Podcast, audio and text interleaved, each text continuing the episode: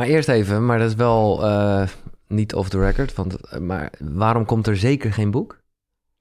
Ik, eh, nou ja, zoals je dus wel merkt, mensen die een beetje in mijn gebied zitten, iedereen schrijft een boek. Ja, Dus je kan, ik maar zeggen, carrière maken op Ja. verschillende manieren. En een van de manieren in, in mijn gebied is door een boek te schrijven. Ik ben dyslectisch en eh, niets... Ik bedoel, ik heb wel universiteit kunnen doen. Dus Mhm, nou ja, eh, heeft- ja. ook, sorry, ook weer niet zo drastisch. Maar ik denk toch dat ik daardoor een hele mm, moeizame relatie heb met dingen vastleggen op papier. Eh, En ik heb een jaar lang... Want, een soort van bezig geweest met een boek schrijven. Met Oh, als resultaat één A4'tje. weet je wel, zo heel erg ontmoedigend iets. En eh, eh, op een gegeven moment moest ik gewoon toegeven van... Ik ga, dit gaat zo'n gevecht zijn fantastisch. om, eh, om dat te maken... dat ik moest toegeven, ik ben dus niet iemand die een boek schrijft. Maar goed, voor de duidelijkheid, dit is Reine Rek. Zij is Ja. spreker, zij is docent, praktisch filosoof, vind ik een mooie. Ja. Humanisticus, ik weet niet zo goed wat het is. Ja, betekent, het is eigenlijk gewoon de titel die hoort bij humanistiek studeren. Ja, ja, ja, oké. En net als je psycholoog wordt als Ja, je psychologie studeert. Ja. Maar bij psycholoog weet ik dan een beetje wat je kan doen. ja, bij humanisticus weet niemand het precies. Nee, nee, dat is ook mooi hoor. Ja. Maar, Wil je dat ik het uitleg? nou ja, ik ben Ja. wel nieuwsgierig. Ja, humanisticus is je, je bestudeert dan eh, zingeving en eh, betek- betekenisgeving, ethiek eh, vanuit de moderne mens. Dus je, het is interdisciplinair, dus je gebruikt filosofie, psychologie, eigenlijk alle leuke gieën, geest, geesteswetenschappen die je kan gebruiken om de mens eh, in, die, in die hoedanigheid als zingevend wezen te bestuderen. Ah.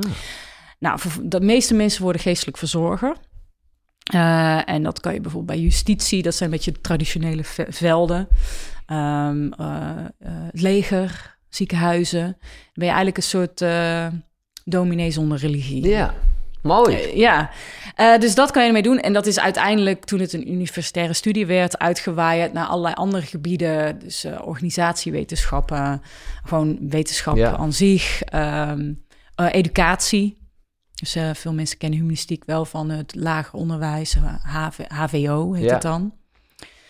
Nou, dus de- die gebieden kan je er allemaal mee op. Maar het is dus heel vaag en heel breed. Nou, maar dat brede spreekt me ja. wel aan. Want omdat het dan wel, nou, wat je al zegt, meerdere takken in zich heeft. Ja, ja, Dat- is heel leuk. Dat sprak mij ook heel erg ja. aan. Ja, ja. Maar het is wel, je moet heel erg, eh, zeker als je dus niet dat begaande pad loopt van eh, geestelijk verzorger Ja. worden, dan ben je een beetje aan het klooien wat je nou eigenlijk ja. bent. En je bent heel veel aan het uitleggen. In het begin zeker. Nu noem ik mezelf niet meer zo vaak humanisticus. Nee. Gewoon puur om dat probleem als het ware te voorkomen. dat je niet weer dit hoeft uit Ja, te dan noem ik mezelf dus praktisch filosoof, omdat dat voor mensen veel al van, oh, Ja, oké, ja. dus diep nadenken, maar dan wel over iets waar ik iets aan heb. Ja. Nou, dan eh, snappen ze het wat Ja. sneller. En om het nog concreter te maken, eh, jij geeft lessen voor de School of Life. Ja. En eh, zelf geef je retretes. Ja. Waar mensen met zichzelf of met de Ja, relatie... coaching, eh, ja, precies. Ja, het mooie is, dat staat op je website, vond ik heel top, dat jij op je twaalfde heel goed wist dat je geen therapeut wilde worden. Ja, want dat was je vader, Ja, om uiteindelijk nu eh, coach te zijn. ja. Dus, eh, Dat is net niet therapeut, Nee, is- van ja. therapeut adjacent. Ja. Een beetje de naam. En toch die ene pagina, waar, waar ging dat dan over? Dus waar, waar had je wel een soort fantasie oh, over? Die... fuck, waar ging het ook weer over? Zie je? Het kan, het, Nee, het, dat kan is- het heel goed vast. Nee, volgens mij was ik toen heel erg bezig met ehm, hoe ik... eh, een van de dingen die, waar ik veel mee werk is een techniek in de coaching. Die heet voice dialogue. Het Ja. gaat eigenlijk over je innerlijke dialoog extern maken. Mhm. Zodat je er... Nou, daar zou Ja. ik... eh, er zijn al wat natuurlijk... eh, over elk onderwerp zijn fucking Ja. veel boeken geschreven. Maar, Daar zijn al boeken over geschreven. maar ik zou het wel interessant vinden, hoor. Zeker, en ik denk ook dat het heel interessant zou kunnen zijn. Ik wilde dat eigenlijk toepassen, toepassen op, norm, meer, ehm, op alledaagse leven, Ja. zonder dat het heel erg voelde voor mensen als, nou krijg ik een coachingstechniek aangeleerd, weet je.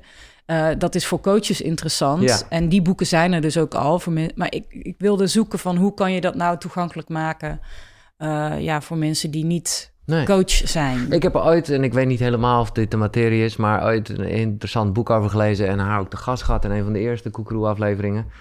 En die vergeleek het met een schoolklas Ja. eh, die, die zeg maar in je hoofd zit. Ja, Eh, met allemaal stemmen die, eh, nou ja, die je allemaal moet laten horen. ja, precies. Dat is, die metafoor is, de bus wordt ook De vaak bus, gebruikt. Ja, bus is het. Misschien was dat Judith Budde. Nou ja, nee, maar nee, die naam ken ik dan ook wel weer. Ja, Oké, eh, nou, voice dialogue wil ik het zeker nog over hebben. Maar nu, ik gooi het even... Nou ja, niet dat er een soort van ding zit. Maar meestal komt het wat later te sprake. Maar gezien het feit dat jij dyslectisch bent, ben ik toch benieuwd. Heb je drie boeken? Die, Ja. eh, die, nou weet je je wat... leest dus niet graag, denk Nee, ik dan. nou, of- dat is dus grappig. Ik heb dus wel gestudeerd en dat lezen, dat gaat eigenlijk eh, redelijk goed. Maar eh, als het moet, ik, ik doe het heel goed met verplichting. Ik ben een beetje braaf ja, gewoon, ja. Ja, dus dat, op school ging dat wel goed. Maar wat ik ja, een soort gewoon dankbaar voor ben, is dat er nou luisterboeken Ja. staan. ja.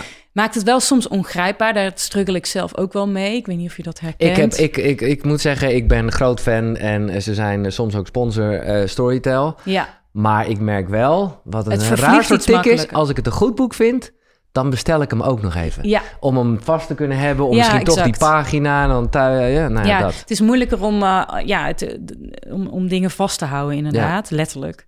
Maar goed, het is voor mij echt Nee, een, een redding. Want eh, daardoor lees ik nu, eh, sinds ik dat echt omarm heb, lees ik veel meer. Nou ja, luister ik dus Ja, nee, veel ik, meer. maar dat, ja. Dus ik heb ze ook niet bij me, maar Nee. ik heb wel drie boeken. Ik heb erover nagedacht. Nou, wat zijn de drie boeken die... Ehm, eh, materialism is baloney. Oké, we gaan het even allemaal stuk voor stuk... eh, materialism is baloney. En mijn Engels is niet zo goed. Wat betekent Ja. baloney? Onzin. Oké. Dus, eh, en dan gaat dat heel erg over ontspullen en denk ik... Nee, van- nee, oh, nee. Het is een, een filosoof en een computerwetenschapper die ook voor CERN heeft gewerkt. De schrijver Bernardo Kastrup. Oké. En hij spreekt trouwens Nederlands. Hij is eh, niet Nederlands, maar hij woont al 25 jaar in Ah. Nederland. Dus mocht je... Interessante ja, gast hij zou een hele interessante gast zijn. Niet een praktisch iemand, maar Nee. ja, ik, ik, ik word dus ongelooflijk gelukkig van wetenschapsfilosofie. Ja, En eh, hij heeft het eigenlijk over wat is de realiteit. Nou, meestal gaan wij ervan uit dat de realiteit de, de tafel ja, ja, ja. en alles is. En hij ehm, is wat je een, eh, een idealist noemt.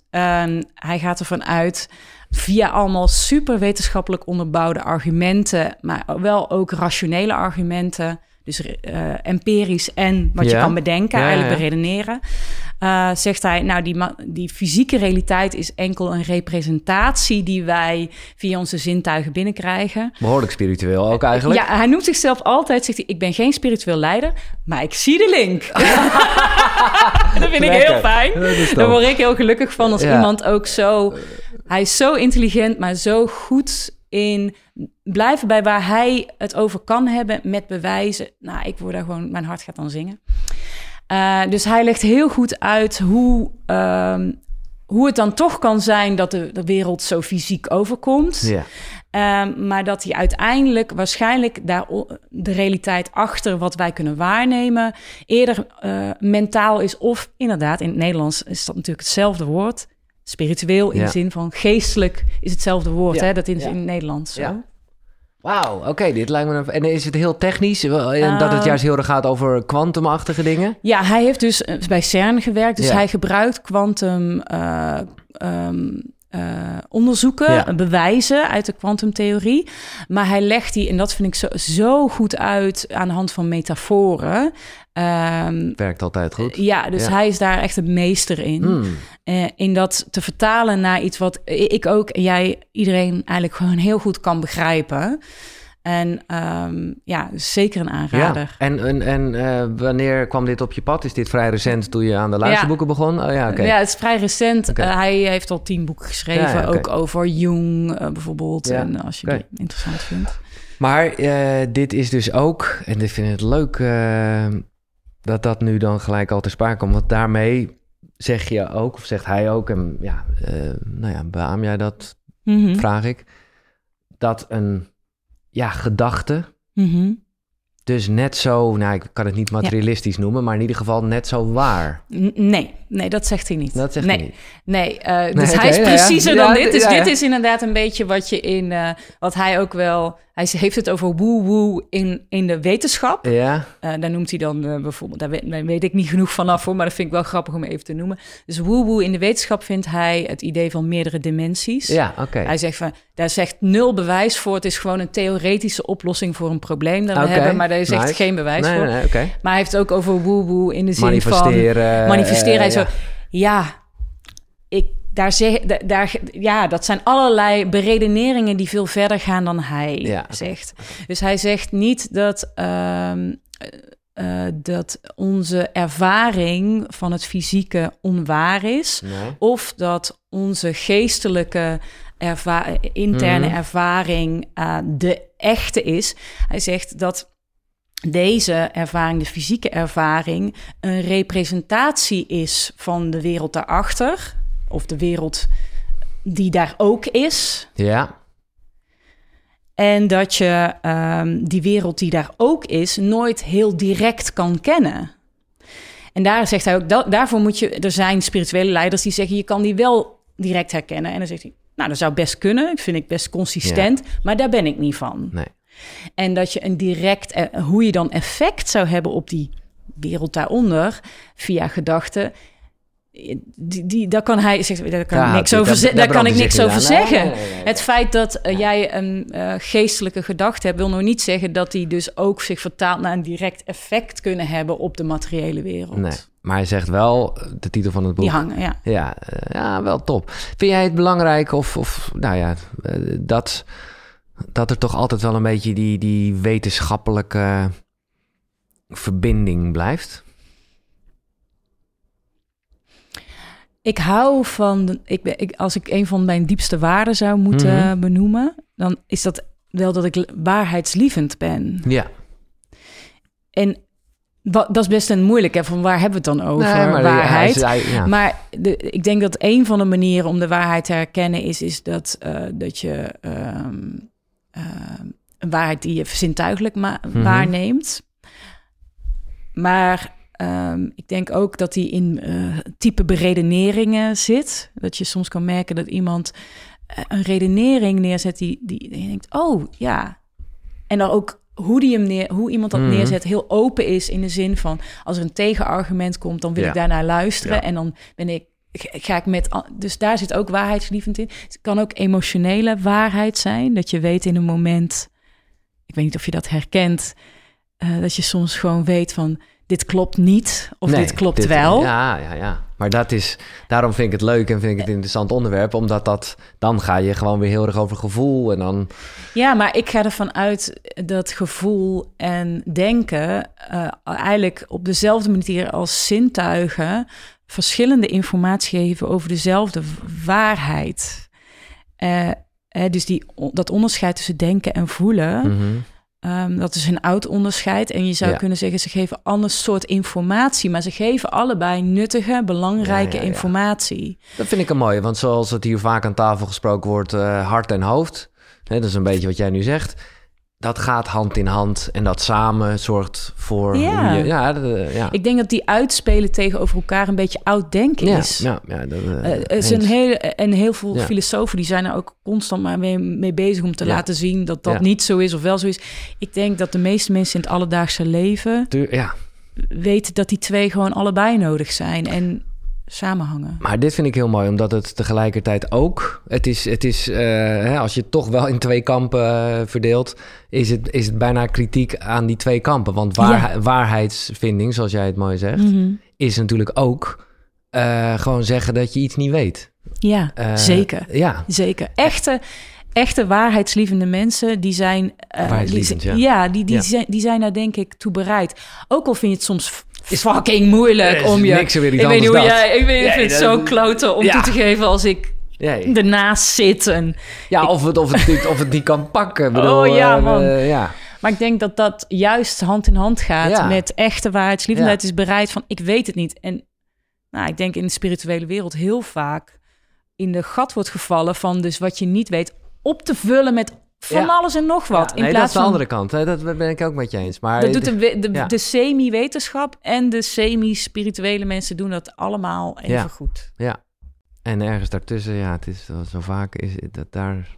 Ben jij waarheidslievend? Nou, ik kende het woord niet echt, maar ik, ik denk, ja, absoluut. Absoluut. Ik heb En- het verzonnen. Nou, oké, nee, nou, nou, dan ga ik er helemaal in mee. Nee, juist omdat het, eh, omdat het voor mij bevredigt om tussen die, nogmaals, het zijn niet zo twee kampen, maar best wel af en toe. En dan Ja. is het mij of te zweverig, dan denk ik, nou, nou, nou, Ja. ho, ho, ho. Je kan gewoon sommige dingen niet verklaren, dus doe geen moeite. Ja, Leuk theorietje hoor, dat vind ik een beetje wat die schrijver eh, blijkbaar ook doet. Van, nou, oké, daar kan ik dan niet zo over zeggen. Maar de andere kant is ook dat ik, als het alleen maar met de wetenschap is, en om, om eerlijk te zijn, Mm. op een of andere manier raken die me wat meer, omdat ik dan denk, ah, dat, dat, ja, dat vind ik zo beperkt. Maar ik denk, nou ja, Ja?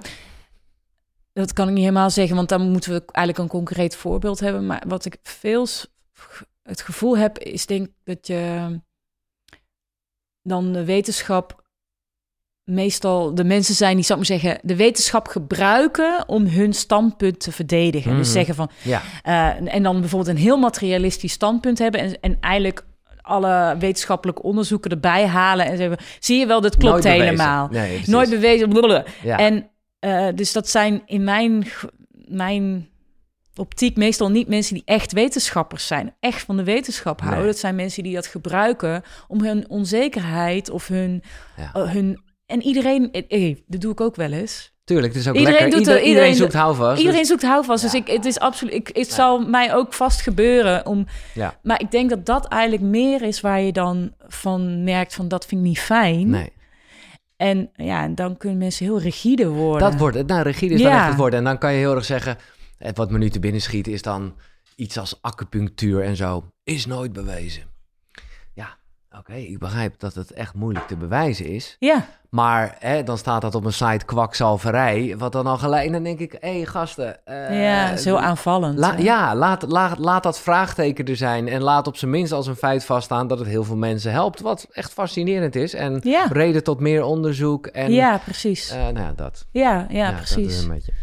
Ja. Leuk. Eh, leuk eerste boek. Die ga ik zeker checken. En wie weet als gast. Boek Ja. 2. Eh, even denken, ik had er nog twee bedacht. Oh ja, The Inner Marriage eh, van Elliot Saxby. Oké, dus het is eh, het, het, het huwelijk met jezelf. Ja, hij, hij is een, volgens mij Engels. Ja, volgens mij is hij Engels, maar ik weet niet helemaal zeker. En hij ehm, geeft heel veel trainingen in werken met Kundalini-energie. Oh ja. Nou, dat zal je vast wel inmiddels Ja, wat zeggen. ja, ja, en, de beetje- slang langs je ruggengraat die omhoog komt. Eh, dus heel veel energetisch werk doet hij. En dit boek gaat over werken met polariteit. Dus masculine, feminine energie. En ehm, ja, eigenlijk hoe je die, die tegenstelling, die polariteit kan gebruiken om ja, je te ontwikkelen. Maar die kan je natuurlijk ook tussen twee mensen eh, gebruiken. Dus dat kan je in jezelf toepassen. Tussen het mannelijke, vrouwelijke deel van jezelf. Mhm. En, eh, maar ook in een, in een relatie. Waar zich dat natuurlijk spiegelt. Dus het is nog steeds... Ja. Ja, Ja, exact.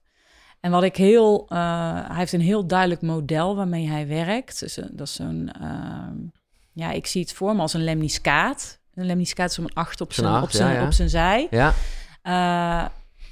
En hij werkt met het idee dat er mannelijke en vrouwelijke ja, waarden en energieën in je leven. Even voor de duidelijkheid. In iedereen... In iedereen. Alles eh, In van alles en iedereen. En, eh, ja, en alles en iedereen. Ja. Dus het is niet aan eh, het lijf gebonden waarin Nee. je geboren bent. Nee, precies. Ehm, en eh, dat die eh, masculine en feminine energie een volwassen en een onvolwassen uiting hebben.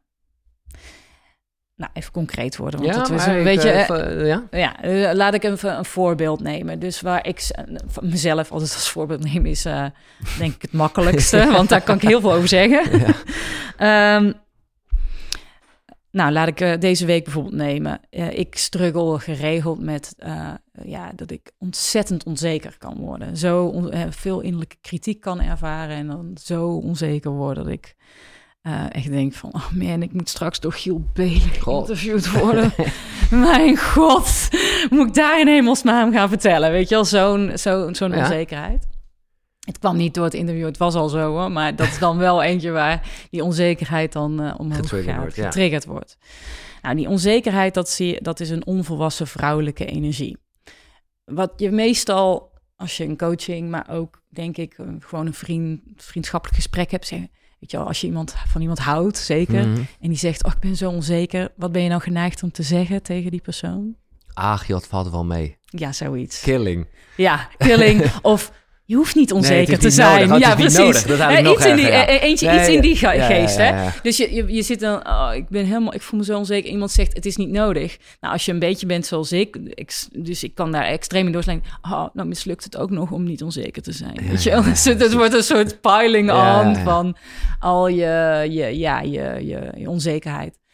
Oftewel, iets niet zijn, dat, dat werkt niet. Nee. Meestal heb je dan nodig om iets anders te zijn. of iets anders aan te wakkeren. Uh, wat uh, in de polariteit staat daarvan. In de tegenstelling staat daarvan. Nou, dan moet je niet het precies tegenovergestelde nee, dus nemen. Dus van zijn. zeker zijn. Nee, want dat is, okay. dat, dat, dat, is, zo, zo maar zeggen, hetzelfde zeggen als niet onzeker zijn. dat werkt niet. Nee. Dus hij gebruikt dan dat framework, dus onzekerheid, ja. of uh, in mijn geval zelfs, soort, zelfs een beetje je, je eigen slachtoffer zijn, slachtofferschap. Nou, wat staat er tegenover? Dat is dus vrouwelijk onvolwassen. En dan ga je zoeken naar het mannelijk volwassen aspect in jezelf. En dat herken ik heel erg uit mijn eigen ervaring. Dus een sterk mannelijk deel, volwassen mannelijk deel, dat steunt je vrouwelijke onzekerheid, waardoor je naar het vrouwelijk volwassen deel kan ontwikkelen. Mhm. Nou, in dit geval is dat concreet gezien. Als je slachtofferschap uh, ervaart of heel erg onzekerheid, um, dan is nederigheid het mannelijke tegendeel of verantwoordelijkheid. Dus, dus, wat ga je dan doen? Dan ga je proberen te belichamen hoe het is om verantwoordelijk te zijn. Of om, uh, wat zei ik nou als eerste, niet verantwoordelijkheid, maar Nederig? Uh, nederigheid. Dus echt uh, te zien dat jij het niet allemaal weet. Ja. Eigenlijk je, je onwetendheid ja. onder ogen te zien. Ja, en daar sterker. Ja. ja, dus je gaat dat proberen te belichamen. Dat kan op allerlei manieren. Hè, maar dat is waar je naar op zoek gaat. En dat helpt eigenlijk je naar het vrouwelijk volwassen deel te evalueren. En dat is juist wel zelfverzekerdheid wordt bij vrouwelijke volwassenheid. Nou, zo, en je vermijdt het mannelijk tegendeel, namelijk um, arrogantie. Ja. En hoe, um, ik vind het top. Maar hoe, want alles is dan dus of mannelijk of vrouwelijk. Dat is gewoon wel hmm. zoals in ieder geval deze theorie. Ja. Of, ja, ja, ja, dus alles in de realiteit is al in een, in een dualiteit. Het is niet meer heel. Nee, nee. En valt vervolgens uiteen in die twee delen ik denk dat je kan natuurlijk heel erg je verliezen in alles dan indelen. Dat is ook als ik hiermee nou, werk. Nou, ik zit gelijk in. Geef mij een encyclopedie. Ik moet denken aan Vera ja, die heeft hij, ja, die heeft hij ook hoor. Ja, een soort van, ja, hij heeft een hele map met dingen. Uh, maar ik denk dat het uh, uiteindelijk uh, de manier van, de, van bewegen, dus vanuit waar je in je onvolwassenheid zit, bewegen naar het tegengestelde in plaats van naar het hetgene wat het niet, hè, dus mm in plaats van uh, te bewegen van onzekerheid naar zekerheid, wat een soort van de meest logische volgorde lijkt, maar juist naar iets heel anders te bewegen, dat dat het voor mij het belangrijkste... Kort door de bocht, uh, ja, of het nou mannelijk is of vrouwelijk, ja, dat weet je als mens niet. Uh, ja, en of je weet het wel. Ja.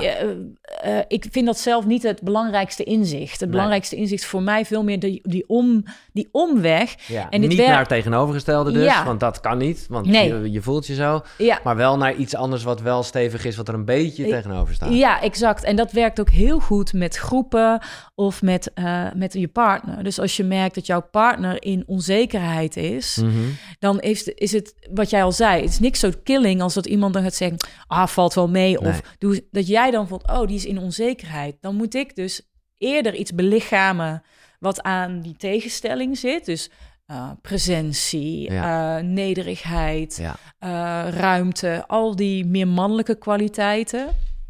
dan, o- dan, dan het allerergste is natuurlijk dat je dan arrogant gaat zitten doen. Ja. Maar dat kan je. Dat snapt iedereen dat wel. kan, dat Nee, ik. maar ik vind het, ik zit het even voor te stellen, omdat ik wel eh, ergens de stevige schouder zijn, maar dan ga je toch al bijna zeggen, komt goed, schatje. Ja, en dan zit je eigenlijk in arrogantie. Oh, dat is toch wel omdat arrogantie, je dan ervan uitgaat dat jij dus blijkbaar al weet dat het goed komt. Ja. Maar ja, het, geeft weet- wel, het geeft wel die vaste pilaar ergens, Ja, toch? Het maar een- dat is een, val. Ik zou denken dat dat eigenlijk Ja, een valse vaste pilaar is. Want je creëert eh, een antwoord wat jij helemaal niet hebt. En daarom roept het ook zoveel arrogantie of zoveel irritatie Dus, op. dus als je gewoon even... eh, het is gewoon- condescending eigenlijk. Ja. Is het neerbuigend? Ja, dat, eh, ja. Dus, dus zou je dan bijna een soort voorbeeldzinnetje kunnen noemen of een houding die, die hier beter zou passen? Als Want je, je wil partner wel- onzeker is. Ja, want je wil wel dat uitstralen van, toch? Dat is wat jij zegt. Gewoon wel van, ik ben hier de man en ik sta ervoor. Ja, als ik nou, kijk even naar, ik denk even aan mijn man, ja. en want mijn man die, die, die kan dat inmiddels heel erg goed. Dat is natuurlijk voor mij, hè, wat Ja, eh, natuurlijk, dus op mij afgestemd. Ja. Maar ik denk dat het in mijn ervaring met koppels voor bijna alle vrouwen geldt. Ehm, niks, niks zeggen, gewoon niks. Fantastisch. En dan gewoon zijn. Gewoon zijn. Wow. Hou, maar, hou je vrouw vast als Ja, ze dat ja, aan nee, kan. precies. Dat- Maar dat- niet alle, iedereen heeft Nee. dezelfde Nee, liefdestaal daarin. Maar eh, ben er. En, en eh, als je dan toch iets wil zeggen, gewoon omdat jij zelf voelt van anders vind ik het moeilijk om dat in stand te houden, zeg je, ik ben er. En dan vraag je aan haar, dat is nederig, wat heb jij nodig? Mhm. Wat heb jij nodig nu? Ja. Ik vind het leuk. Dat is Daar- nederig, hè? Ja, dat is nederig. Maar ik vind het ja, een soort compliment voor het mannelijke gedeelte dan. eh, dat, dat dat aan de man gekoppeld is, die nederigheid. Ja, mooi dat zou ik niet zo snel zeggen, eh, wegens allerlei stereotypen. Ja, ja. Eh, maar dat is ook omdat het woord nederig, eh, dat is wel vaker hier... eh, maar dit is eh, de archetype... want humble, humble is een veel mooiere vertaling. Ja, mooie woord, hè? Ja. Humble. Ah, ik vind het de, de, de, het archetype van de koning. Ja, Dus een archetype is als het ware het patroon dat iedereen herkent als koning. Dus ook al, en dan heb je allerlei concrete representanten daarvan. Ja. van Game of Thrones Ja. tot en met, weet ik veel, Alexander, onze Willem. ja. Sorry, ik weet niet of ik hem zo mag noemen. Nee. maar ik doe het gewoon. Eh, maar hè, dus, die, eh, de- dus daar heb je concrete representanten voor, van. Maar het archetype van de koning, van de goede koning, is dat hij dienend is. absoluut, ja. De goede koning is dienend en moedig en Ja. doet wat moeilijk is om te doen. ja. Eh, en die is er als een soort stabiele factor. Nou, dat zijn allerlei. dus in, in die, in die ja, zienswijze denk ik dat het heel erg bij het mannelijke hoort. Ja, is misschien ook het mannelijke wat op dit moment het. Ik, ik denk dat dat nodig is in de wereld. Ja. Is dat eh, waar iedereen ook zo diep naar verlangt. Vrouwen en mannen allemaal ver- verlangen veel dieper, denk ik, naar het volwassen mannelijke representant dan naar, dan naar het vrouwelijke op dit moment. Dat vrouwelijke is on the rise, maar het heeft zijn koning nodig om samen te groeien. Dus eigenlijk, en ik... eh, is ga wel heel nu- veel ik ga- Ik ga, beeldspraak, je nu maar ja, chargeren, maar eigenlijk zeg jij dat het tijd is voor de vrouw, mannen om eh, te emanciperen. Ja, en dat, dat wordt altijd eh, ingeleid in, in heel concrete zin als ik naar de koppels kijk waar ik mee werk. Door de vrouw. De vrouw die, die contacteert mij altijd en zegt... ik wil wel wat bewuster in mijn relatie staan. En die, die wil eraan werken. Dan neemt ze haar man mee. En dan is die man eigenlijk heel blij dat hij meegenomen wordt. Ja, ja, ja. Zo werkt het eigenlijk. Dus Ja. die, de, de, de ontwikkeling komt altijd via het vrouwelijke. Maar die, die, die moet, de man moet meekomen nu. Maar hoe kijk jij dan aan, ehm, ehm, ja, als praktisch filosoof of als humanisticus, eh, nou gewoon als Reine, tegen de tijd waarin we leven, waarin, ja, aan de ene kant, eh, dit is, ik ga een beetje mijn eigen mening geven, maar dan... ja, eh, dat is goed. Eh, aan de ene kant, het fijn is dat daarin een hoop wordt losgelaten en we juist niet meer zo denken in heel Mhm. duidelijk man en heel duidelijk vrouw. Mhm. Maar tegelijkertijd het daardoor eh, soms nog onduidelijker wordt. Terwijl, ja, ik deel wel de behoefte die jij net schetst. ja. Ik denk dat het gaat Dus dan heb ik, ik, ik- ja, laat ik het woord genderneutraal dus ook even noemen. Want daar bedoel Ja. ik dan mee. Want ik een Ja, ik snap het. waanzinnig mooie, eh, open-minded... eh, hè, het is allemaal niet zo zwart-wit. Dat is wat we al jaren weten. We bestaan Mhm. allemaal een beetje uit vrouw en man. Maar ja, Ja, ik, ik snap wat je bedoelt. En ik, ik, ik, ik, ik, toen ik hierheen ging, dacht ik al... Oh, het kan goed zijn als ik dit boek introduceer... dat, ik, we eh, hierover gaan ja, hebben. en dan... eh, En, ja, en ik het is vind- gevoelig. Ja, het ligt gevoelig. En ik denk dat eh, wat. Er zijn twee dingen die ik daarover zou willen zeggen. Het eerste is dat. ehm, ehm, die, die, zou ik maar zeggen, fluiditeit die er ontstaat. ehm, die is voor een heleboel mensen nodig en een bevrijding. En eh, dat is geweldig. Prima. Top. Helemaal. Fijn dat dat er is. Ja. Eh, en tegelijkertijd, eh, voor mij, alhoewel ik die fluiditeit herken, is de dualiteit, of die polariteit moet ik eigenlijk zeggen, Mhm. polariteit, ehm, wel degelijk ook een realiteit. In, in mij. En, En, ook een soort houvast en, en een, fijn. en een houvast, het helpt mij om dingen te ja. begrijpen. En ik, en ik vind hem ook fijn omdat hij mij een soort speelsheid geeft. Ik hou van archetypes, ook van ouderwetse. Eh, en het helpt mij, eh, het geeft mij plezier, laat ik het zo zeggen. Eh, en ik denk in mijn ervaring dat dat, hoe fluïde we ook worden, dat voor een heleboel mensen nog steeds zo is, dat ook die polariteit ook een heleboel voor de jus zorgt. Het is ook leuk om daarmee te spelen. En het helpt mij om mezelf te begrijpen ehm, en te identificeren. Want uiteindelijk is dit een identiteitsvraagstuk. Genderneutraliteit gaat heel veel over identiteit. Ja. Het helpt mij ook wel om mijn identiteit eh, te begrijpen.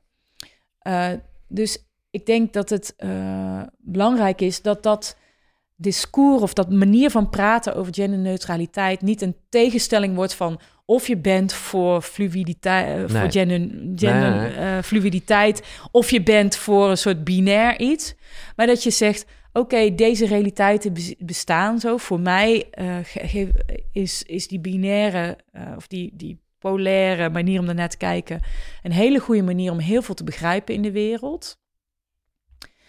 Ja, voor anderen misschien minder. Ja. En ik hoef ook niet voor, voor mijn denken hoeft ook niet voor iedereen te zijn. Nee. En hoe ik de, weet je, dus ja, dat zou mij, dat zou eigenlijk, ja, het eerste zijn wat ik wil zeggen erover. Het tweede is dat ik merk dat, en dat is misschien iets wat in mijn hoofd gebeurt, maar ik denk het ook wel te lezen in sommige stukken, is dat er een soort defensieve manier van spreken langzamerhand ontstaat. Waarbij eh, mensen die dan bijvoorbeeld ook polyamoreus zijn of, eh, of eh, fluïde zijn, eh, soort van beter zichzelf.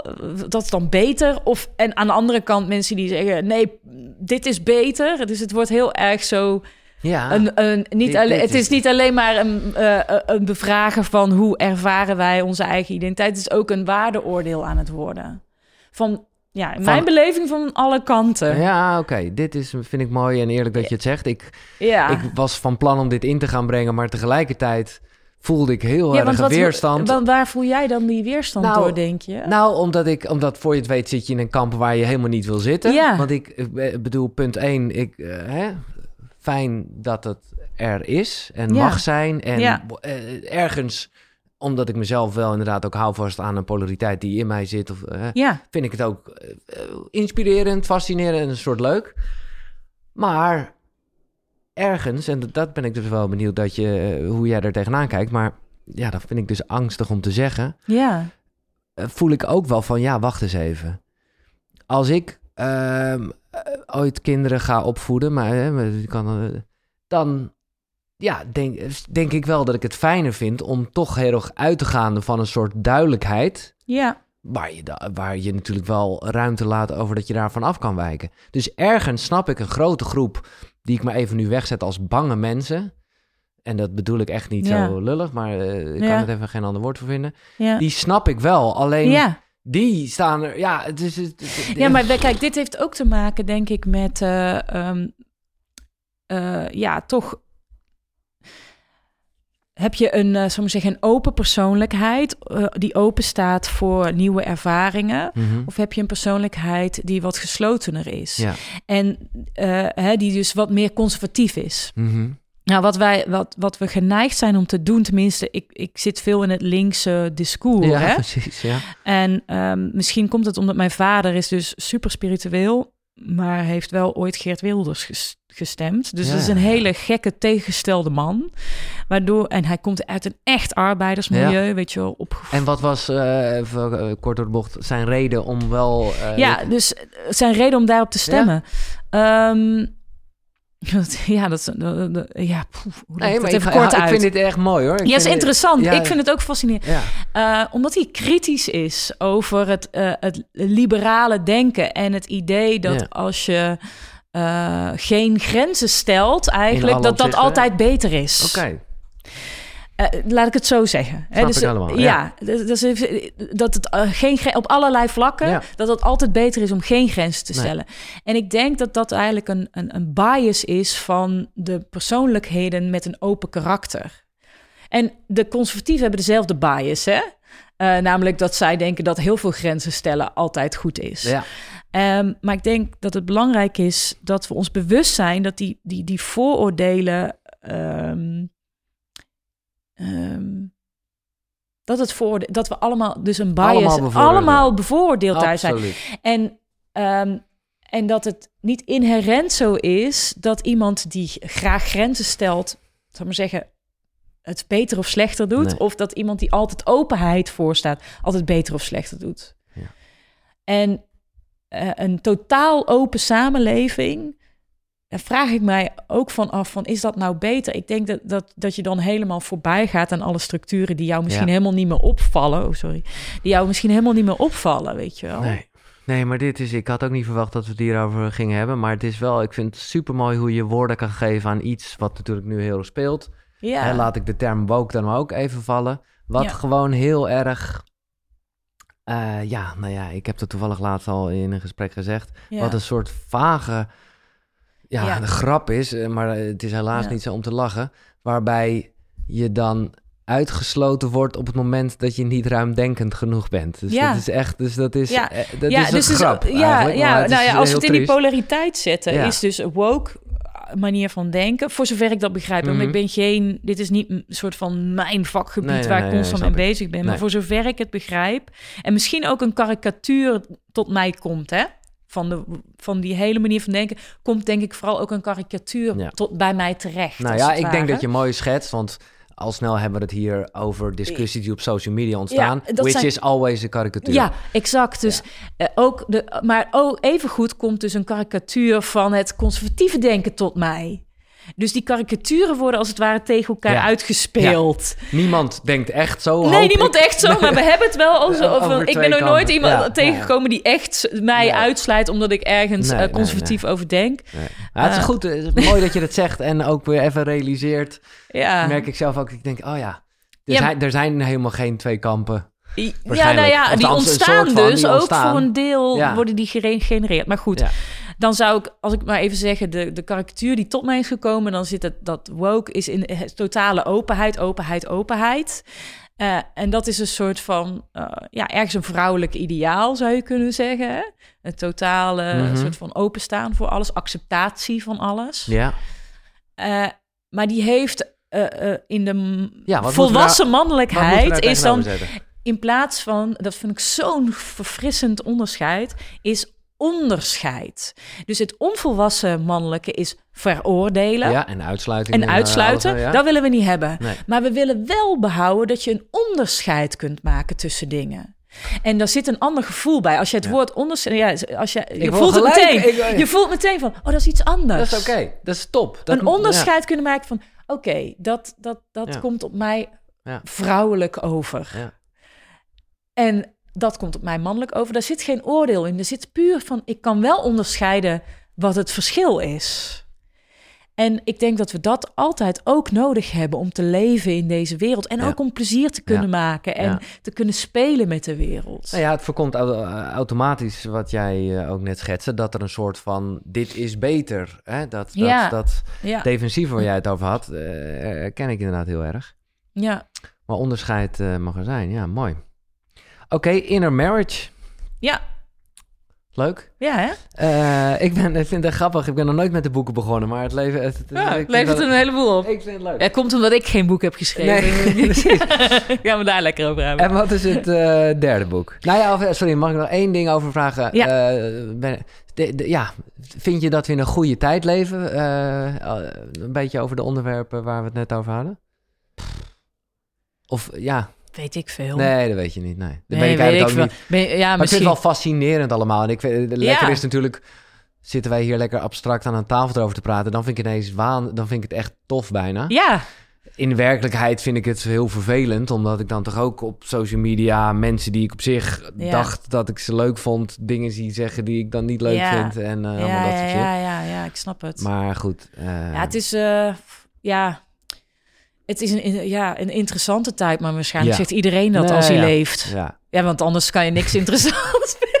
Als je Ja, levend bent, is het interessant. Ja. Zoiets. Oké. Eh, het derde boek. Het derde boek. Eh, dat ben ik, heb ik nog niet uit. Dat ben ik nu aan het luisteren. Eh, maar ik, vond, ik vind het leuk, dus dacht, die zeg ik. Ja, Radical Candor van Kim Scott. oké. En dat is, volgens mij is de ondertitel For Being a Better Boss. Oké, Ehm, dus daar gaat het ook echt daar over. gaat over, het echt over, over. leiderschap. gaat over leiderschap. Oké. En ehm, ja, daar, zijn, daar ben ik zelf veel mee bezig. Bij de school zijn we er veel mee bezig. En ik vind het een heerlijk normale mensentaal boek over dus hoe je een goede baas moet zijn. Ze noemt het dus ook baas zijn en not leadership. Nee, ja, je bent de baas Ja, en eh, weet je wel zo. Ja, Heel normaal taalgebruik. Het is een vrouw die, eh, ik heb me niet heel erg in haar verdiept verder, maar ik vind haar gewoon leuk. Ze heeft allemaal bij grote bedrijven gewerkt, als Google en Apple. En, eh, dus gebruikt ook veel van die grote leiders als voorbeelden. En waar het eigenlijk over gaat is dat ze zegt, als je een goede baas wil zijn, moet je, you have to give a damn. Dat is één. Dus je moet persoonlijk om mensen geven. Mhm. Oké. En het tweede is, eh, en je moet mensen direct challengen. Dus als er iets niet goed is, moet je ze direct op een hele directe manier aanspreken. Oh, sorry, ik onderbreek eventjes eh, dit fijne gesprek. Maar dat is vanwege iets dat met boeken te maken heeft. En ja, ik hou van boeken. Ik hou van verhalen. Van lezen, maar ook van luisteren. Voor als je onderweg bent of gewoon, pff, nou ja, weet ik veel wat aan het doen bent. En ik heb nu iets stof met de vrienden van Next Story. Daar vind je echt op die site, jongen, 300.000 boeken. Dus ook zeker de boeken die net besproken zijn. En ik mag je nu, en dat is echt wel een toffe actie, 50 dagen gratis aanbieden. Ja, die gasten die geloven gewoon wel eh, in zichzelf. Dus die denken, oké, dan hebben we ze. Maar dat kan je echt even checken. Eh, ga naar koekeroe.nl slash boekenkast. Daar vind je sowieso alle boeken die besproken zijn eh, nou in de afgelopen afleveringen. En daar vind je dus ook een link. En via die link kan je 50 dagen gratis Nextory gebruiken. Check het. koekeroe.nl slash boekenkast. Is het ook weer, eh, ik zit nu alles een beetje in Ja, dat delen. Is dit ook ja. weer vrouwelijk-mannelijk? Kan ik dat zo nee, nee, zeggen? dat, oké, daar gebruikt zij niet. En, Nee, ik- denk- eh, en dus probeer Nee. ik dat er ook niet op toe te Nee, passen, want dan raak ik zelf alleen maar in de war. Ehm, nee, dus eh, zij zegt, die twee dingen, die, eh, die, eh, die moet je doen. In die volgorde ook. Ah, Dus je moet eerst, you have to give a damn. Care personally. Eh, je, je moet een relatie hebben met je mensen. op de mensen gaat het over. Dit gaat Ja. niet over de, de, waar het bedrijf voor staat of wat het doet. Of, Ja, eh, nee, Als, om, al- gewoon als jij een goede baas wil zijn, dan moet je iets om je, je moet je mensen kennen en je moet iets om ze geven. En ehm, dat gaat gewoon over relatie maken. Ja. En ik denk dat dat, eh, kijk, als er iets is wat er in de wereld mensen gevoel van betekenis geeft, even los van of ze spiritueel zijn of religieus. Iedereen, en je kent vast wel ze- die, die onderzoeken van mensen op hun sterfbed, wat zijn hun biggest Ja, regrets? het is nooit, eh, had ik maar meer gewerkt, had Nee, ik maar. Het nee. is altijd, was ik maar meer bij mijn, mijn had ik maar eerlijker gesproken tegen de mensen waar ik van hou, had ik mijn best maar gedaan om die relaties. Dus relaties is echt het fijnstof van ons uh, betekenen. Weet je wel, we zijn sociale wezens. Dus als jij een goede baas wil zijn, en dat is in deze tijd denk ik mega relevant, Mhm. want er zijn veel te veel vacatures, dus iedereen eh, moet een hele goede baas zijn om mensen aan hun te binden. Dan moet je om je mensen geven. En niet alleen maar om welke carrière stappen jij denkt dat ze moeten maken, waar jij ze voor nodig Nee. hebt. Nee, om hun geven. Dat zijn natuurlijk ook in de Amerikaanse voorbeelden ook wel Ja. Hè, dat, daar, hè, dat je daar eh, veel langer thuis mag blijven als er een baby geboren is. En, Ja. en, en Ja. privé dingen. Ja, ja. Ja. en dat is denk ik ook echt een verschuiving. Dat, Ja. weet je wel, eh, de, de, ba eh, de opdrachtgever van mijn man, die, eh, die was laatst in gesprek weer verbaasd dat dan jonge mensen maar vier dagen willen werken. Ik denk, nou maak je borst maar nat. Ik denk niet dat er nog veel aan. mensen Nee, zijn die meer willen werken binnenkort. Ja. Dat is gewoon voor de meeste mensen, wordt dat alleen maar meer. Dat ze een, veel meer een balans tussen die dingen willen hebben. En niet iedereen Nee. alleen maar met zijn carrière bezig is. Dus dat is eh, de eerste stap als baas. En die tweede? Ja, eh, en dat challenge directly noemt zij dat. Ja. Dus mensen, wanneer het niet goed gaat op hun werk, hen direct aanspreken op wat er eh, ja, niet goed gaat. Eh, dat is de tweede. En dat doe je door eerst te vragen dat mensen jou direct challengen. Dus je gaat eerst vragen om wat doe ik niet goed. Ja. En ik vind het heerlijk, zij zit nu allemaal met feedback sandwiches te werken. Je kent het wel, hè? Als je dan iets slechts tegen iemand zegt, moet je eerst iets goed zeggen, dan weer iets slechts Ja. en dan weer iets goed. Nou, als je een beetje slim bent, dan prik je daar doorheen. Een peuter prikt hier doorheen. En toch wordt dat constant maar verkondigd. Ja. van, oh ja, dan hebben ze het niet door of zo. Of weet ik veel wat je ermee wil bereiken. Voelt mega inauthentiek, vind ik. Ja. Ken je Nou ja, dat? Ja, ik ken het. Maar het is tegelijkertijd wel een soort kapstukje. Het is dan dat de Ja. hamburger. Dus dat Ja, is dan eh, precies. plus, min, plus. Ja, Eh. Eerst de pluspunten, dan de kluspunten. Ja, precies. Ook Nee. andere naampjes eraan geven. ja, ik ken het wel, maar ik bedoel, ergens geloof ik wel dat het werkt om niet gelijk de boel Ja. op slot te hebben. Ja. Maar ja, het is minder authentiek, maar... eh, nou Maar ja. dat zit hem dus in, denk ik, dat het niet op slot gaat. Als jij een relatie met iemand hebt en jij geeft om iemand, dan zit, zit daar de sandwich als het ware. Dan zit daar je, eh, weet je wel, als iemand echt weet, ja, maar ik, diegene zegt dat niet om mij aan te vallen, want die, die Nee, weet dat ik, ja. waar ik mee bezig ben Maar in goed, mijn zij leven. doet net zoiets, alleen is het dan niet eh, over die persoon, Ja, maar koppel je meer eens naar jezelf, wat misschien Ja. sowieso wel... Nou, deze, deze die, die vraagt van jou dat je niet een trucje aanleert, maar dat jij echt een relatie met iemand maakt. En dat kan je dus niet met een trucje bouwen. Je kan Nee. niet dat eh, even een trucje doen, zo van eh, een semantisch trucje doen. Nee. Je moet gewoon een relatie met iemand opbouwen. Ja. En ik denk dat jij dat ook wel kent, want jij geeft allemaal, je, je, je interviewt mensen. Waarschijnlijk is een interview beter als jij echt in staat bent met iemand een relatie op te bouwen. En dat je toch een beetje, hoe Tuurlijk, klein ja, het ook is, even gaat geven om iemand. Uiteraard. Dan wanneer jij als het ware, en dat zal je vast in je leven ook wel eens hebben gedaan, een interview semantisch als het ware technisch Ja, ja, ja, ja. afwerkt. Ja, dat je weet van, oh ja, dan moet ik dat doen en dan doe ik dat doen. En dan- Ja, maar goed, het lastige, en dan komen we ook, eh, ja, wat je net al zei, eh, relaties en verbinding, dat is waar we om, om gaat. Het is wel zo dat het ook wel gelijk ingewikkelder en angstiger wordt. Ja. Want hoe meer je... Maar ik snap het. Ik, vind, Ja. ik, ik ga dit boek zeker lezen. Want ik, ik, eh, dit, is letterlijk waar ik wel problemen mee heb. Omdat ik mezelf dan helemaal geen baas voel of geen baas wil zijn. ten opzichte van Ah, ja, mensen ook niet.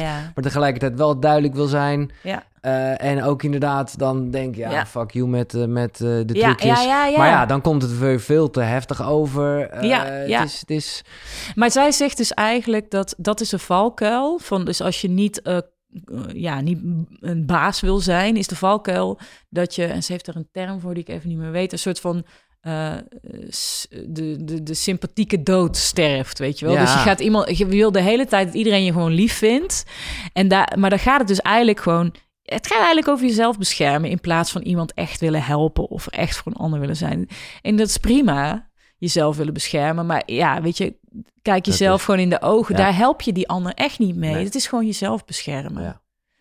Ze zegt eigenlijk, want de andere is dat je dus eh, alleen maar eh, eh, de care personally niet Nee, doet. precies gewoon. en dan ben je gewoon een eikel. Ja, En ze zegt, ja, ik kan beter een eikel zijn dan een softie. wel. Ja, dat geloof ik. Als baas, hè? Ja, als, als baas. Nee, dan kan je beter dan maar... maar ze zegt, ik wil het liefst dat iedereen care personally doet. Maar, Maar ja. als je dan moet kiezen en je krijgt het niet voor elkaar om een relatie met iemand op te bouwen, ben dan maar een eikel. Dan hebben ze op zijn minst dat van je. Ja, daarom, ik kan daar dus echt, want eh, ik bedoel, eh, ik kan daar echt tegenop kijken. Mensen die de, de eikels zijn, omdat ik wel denk, ja, het is fucking duidelijk. Eh, Ja, het- ik, ja, zou ja. Nooit, ik, ik zou niet eens zo kunnen zijn en ook niet willen zijn natuurlijk. Nee. Nee, maar het is dus niet iets om te ambiëren. Nee. Het, is een, het is je noodknop als het niet lukt. Nee, maar Om het is wel beter dan, dan een beetje de, de dubbele... Ja, en ik heb een hele hoge softie in authentiek meter. Dus bij mij kan je beter een eikel zijn, omdat ik anders dan vertrouw ik je voor geen meter. Nee. de mensen die heel vriendelijk en soft mij gaan zitten vertellen dat ik het eigenlijk een verbeterpunt heb, denk ik, wat denk je in hemelsnaam echt van mij? Want nou, dan gaan alle alarmbellen af. Dus ja. ja. ja, Oké, nou, uh, toffe boeken. Ja, toch? Ja. En ik vind het leuk, want die baas, uh, de, dat boek gaat ook al een beetje over, nou ja, relaties. ja. Letterlijk, welke relatie het ook is. Ja. Ik hoorde jou ergens zeggen en ik vond het wel mooi. want ik, ik heb het zelf ook heel regelmatig gezegd. En jij was er een beetje anti van. Zo van, je kan pas verbinding met een ander hebben op het moment dat je verbinding met jezelf hebt. Ik heb dit hier vaak, ik bedoel letterlijk dit gebaar heb ik heel vaak gemaakt. Ja, ja, ja, ja. ja. Uh, en jij zegt, en ik ben het nu al mee eens, maar ik vind het echt top. Jij zegt dat is onzin. Nou, ja. Laten we hem zo stevig neerzetten, want anders is het niet lekker kletsen. Ja, ik vind het onzin. Nou, in ieder geval vind ik het een, eh, een, een, uh, een een onbehulpzame manier uh, van kijken naar uh, relaties. Ik denk, wij zijn in eerste instantie sociale wezens. Dus het klopt al niet, zou ik maar zeggen, bij onze geboorte. Wanneer wij geboren worden, weten we niet eerst wie wij zijn. Nee. We weten eerst wie onze meestal moeder of verzorger is. We zien daar ook niet echt onderscheid tussen, toch? Uh, nee, maar als we ergens op gericht zijn, dan is het op de ander. Dus ja. ons gevoel van onszelf ontstaat eigenlijk in in gezien worden door de ander. En dat is als het ware de origin story van iedereen. Ja. Is dat je in relatie erachter komt wie je bent. Ja. En wat ik zo vaak tegenkom, is dat vooral mensen die dus uh, geen relatie hebben of denken. Uh, of het moeite hebben met relatie aangaan, dat ze maar helemaal denken: oh ja, maar als ik maar van mezelf hou, en dan worden, of, of helemaal erg als je single bent, dat mensen dat tegen je gaan zeggen. Ik weet niet of jij single bent of single bent geweest. Ja, ik ben het te, eh, te, kort geweest, want ik vond het altijd te eng. Oh ja, nou dan als je wat langer single bent, gaan mensen dus zeggen: oh, ja, maar als je maar van jezelf houdt. Ja, ja. Dan komen die mensen naar je toe alsof het een soort magisch soort van stofje is, zelfliefde. Waar ja, ja, ja. En nou wil ik helemaal niet ontkennen dat zelfvertrouwen en zelfliefde uh, niet effect op je aantrekkingskracht hebben en dat soort dingen. Maar die volgordelijkheid, die, die, geeft mij meer het gevoel dat het een manier is om dus alsnog controle te krijgen over de situatie. Dan dat het echt gaat over uh, echt diep inzicht hebben in hoe liefde überhaupt werkt. En ook zelfliefde. Dat is altijd mhm. relationeel. En natuurlijk um, heb je zoiets als uh, codependent rela relaties, dus afhankelijke relaties waarin je als het ware al jouw bestaansrecht neerlegt bij de ander. Dan is het echt voor, uh, ja, maar dan zou ik eerder zeggen dat het probleem met die relatie is dat er te weinig bewustzijn is en te weinig bereidheid om aan jezelf onder mm. ogen te zien, dan dat het per se het probleem is dat het te weinig zelfliefde is. Want wanneer je dat, dat licht gaat schijnen van bewustzijn en, en de, de wens tot ontwikkeling, mhm. dan brengt dat eigenlijk aan het licht wat er mis is met die relatie. Terwijl, hè, dus dat, dat, dat, dat zal dat omhoog brengen. En uh, zelfliefde, in mijn ervaring, is ook niet iets wat je kan bezitten. Nee. Dat, dat kan wel een beetje soort van meer binnen je grip liggen. Maar eh, wat ik al zei, een paar dagen terug was er verdraaid weinig zelfliefde in mij. En vandaag gaat het best oké. Ja, aan de andere kant, maar dan ga ik een beetje Hè, zoals Jan Geurt en zo erover schrijven. Uiteindelijk kan je ook zeggen, er bestaat alleen maar zelfliefde. Want ook als ik jou leuk vind, vind ik vooral... Ja, ik kan alleen maar ja, dus hij zelf gaat... de liefde voeren. Ja, dat, is ook zo. Maar ja, dat is... Ja, dat, dat, maar, ergens vind ik dat een onpraktische ja, nee, dat is het ook. aanvliegroute. Ik snap, ik zijn denken vind ik mooi hoor. En het is heel behulpzaam. En tegelijkertijd uh, vind ik het ja, ik weet niet, ik ben slordiger of zo. mijn leven verloopt slordiger dan dat. Ja. mijn leven verloopt uh, via dat ik uh, relaties heb gehad waarin ik het niet had. En dat ik ja. En nu een relatie heb waarin ik enorm heb ook veel zelfliefde Mhm. heeft gerenegeerd. De, gegenereerd. Ja, maar dat is, en, en daarom, het is, het is niet zo dat ik ineens met terugwerkende kracht zeg dat al die keren dat ik dit gebaar maak, dat het onzin is. Want ik geloof wel namelijk dat als Ja. je goed verbonden bent met jezelf, Ja. dat je een, een veel betere relatie kan hebben. ja, maar dat is iets anders. Iets Verbinding anders. met jezelf is iets anders dan zelfliefde, Oké, zou ik zeggen. Hè, Want Ja. soms is het dan ook verbinding met de enorme zelfafwijzing die er in je leeft. oké, de, de eens. Maar dat vind ik ook zeker nog steeds onder het kopje zelfliefde. Maar het is goed dat je het zegt, want Ja. er hangt een soort roze Ja. wolk om. Ik heb het eigenlijk liever over wat, wat, wat wel fijn is om aan te werken. Weet je wel, ook in een relatie is de liefde soms op, opkomend en soms stanend. Ja. Eh, dus als wij elke relatie alleen maar zouden af laten hangen van hoe sterk de liefde er is, dan zouden alle relaties om de havenklap uit zijn. Je kent die relaties ook wel. Mhm. Wat een re- relatie echt nodig heeft, is ook trouw. Of je nou echt letterlijk trouwt of niet. maar, eh, En of je dat nou monogaam invult of niet, daar gaat het niet om. Het gaat over commitment. Ja, exact. Ja. En ik denk dat je dat in, aan jezelf, dat dat iets is waar je dat je nodig hebt. Ik ben Ja. wel trouw aan mijzelf. Ja. Ik, ben, ik ben trouw aan Reinen met al de shit en ook met al de zelfafwijzing. Dat is denk ik veel belangrijker ehm, ja, dan, want- dan want dat ik van mezelf hou. Ja, eh, dat was, Maar jij zegt wel, doordat ik heel goed trouw, eh, doordat ik echt trouw aan mezelf ben, kan ik ook fijn trouw aan een ander zijn en hebben we een mooie relatie. Ja, maar bij- bij, mij is het wel omgekeerd gegaan. Ik heb, ben eerst met mijn ja, man dat getrouwd. heeft, hij- ja, precies. Maar dat is een beetje het ding wat ik me goed realiseer. Waarom een relatie altijd goed werkt voor groei. Omdat het ja, een spiegel is of wat dan ook. Dus ja, Ja. als je nog niet weet hoe je jezelf eruit ziet, dan zie je... Laat die andere. Ja. Het is wel grappig dat je dat zegt. Sinds ik getrouwd ben met, eh, met, met Joost, heb ik geen spiegel meer. want hij houdt daar niet van. Nee, hij, ik heb zelf gewoon geen spiegel meer. En hij. Bedoel je nu letterlijk of Letterlijk, ja. Ik heb Oké. gewoon geen spiegel. En hij, dus als ik wil weten hoe ik eruit zie, dan Ja. vraag ik aan hem van eh, hoe zie ik eruit? Dus ik zie mijzelf alleen nog maar via zijn Oké, ogen. dit vind ik interessant.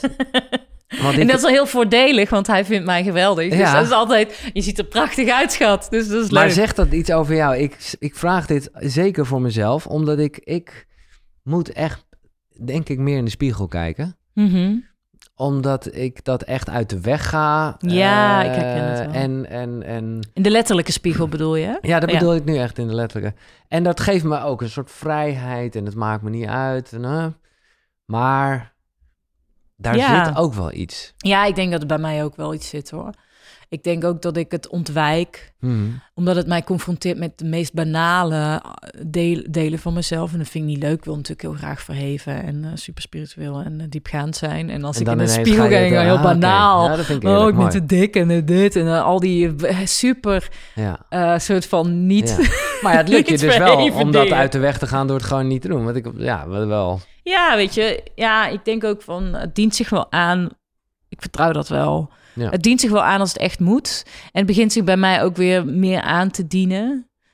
Maar wat mij wel helpt, niet een echte spiegel te hebben, maar Joost dan zeg ik van, ik voel me, ik voel me niet lekker in mijn lijf. Mhm. Hij zegt van, ah, ik vind je geldig, maar ik weet dat als jij nu weer gaat sporten, dan voel je je straks weer beter. Dus dat is veel fijner dan in de spiegel kijken en dan je dik voelen en dan Ja, zeggen, ja, oh ja, ik ja. moet gaan sporten. Hij zegt het dan uit heel veel liefde. Dus voorlopig hou ik het bij eh, de Joost Mooi. spiegel. Ja, ah, top. Ehm, even nog over, als we het toch even hebben over jouw gezinssituatie. En waar we het net over hadden met hoe eh, je dat mooi schetste, dat wij als, eh, de, ja, hoe zeg je dat ook weer? We- wezen, sociaal wezen. Ja, sociaal wezen, ja. Ehm, ja, daar ben jij al heel langer bewust van en mee bezig. Eh, Ja. Hoe heb je dat gedaan toen je net moeder werd? Inmiddels zijn ze ik wat Oh. ouder. Want ik kan me voorstellen dat er gewoon zoveel... Ja, als je, als je dingen zo goed weet, ja, dat is... omdat je ermee bezig was. Kijk, eh verflauw gezegd, de stratenmaker, ja, die, doet, die geeft gewoon liefde. Ja, En die gaat de volgende dag weer straat maken. Super authentiek. ja, Terwijl ja. jij met al je Ja, kennis heel bewust bent van shit. En als ik nu wegloop uit dit kamertje waar de wieg staat, dan komt er misschien die, dat eerste moment dat ze mama niet ziet. En oh, trauma. Ja, ja, ja. Heb je daar een druk gevoeld? Of eh, Ja, zeker. Ja, oké. ja dat ik... En ik weet, ik, dat, want dat, dat voorbeeld wat jij aanhaalt zo van, eh, oh ja, er zijn mensen die niet zo bewust zijn, is dat dan niet eh, beter?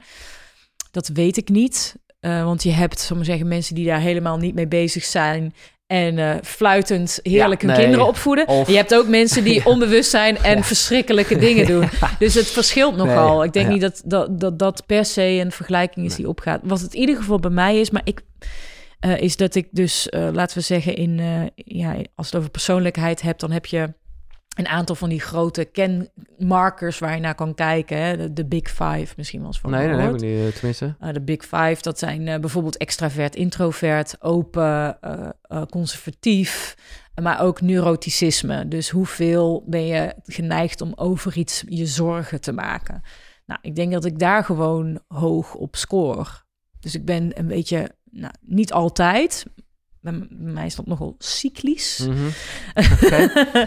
Eh, eh, kan ik nogal neurotisch zijn. Eh, In de zin van dat ik me heel veel zorgen om van alles en nog wat maak. Ehm, dus ik denk dat het eigenlijk meer met die karaktereigenschap te maken heeft dan met het feit dat ik heel veel kennis heb. Ja, oké. En, heb, Ja. en hoe, ja, ik bedoel, je, moet het, je hebt het gewoon gedaan. Ja, Maar heb je daar tips voor? Voor, voor neurotische mensen met kinderen. Ja. Oh, wauw. Die vraag is mij nog nooit gesteld. Moet ik even over nadenken. Oh ja, ik weet hem al. Ehm, dus eh, er is zo'n quote die we bij de School of Life heel veel gebruiken. En ehm, die ik super fijn vind. Is dat je ehm, eh, eh, good enough parenting.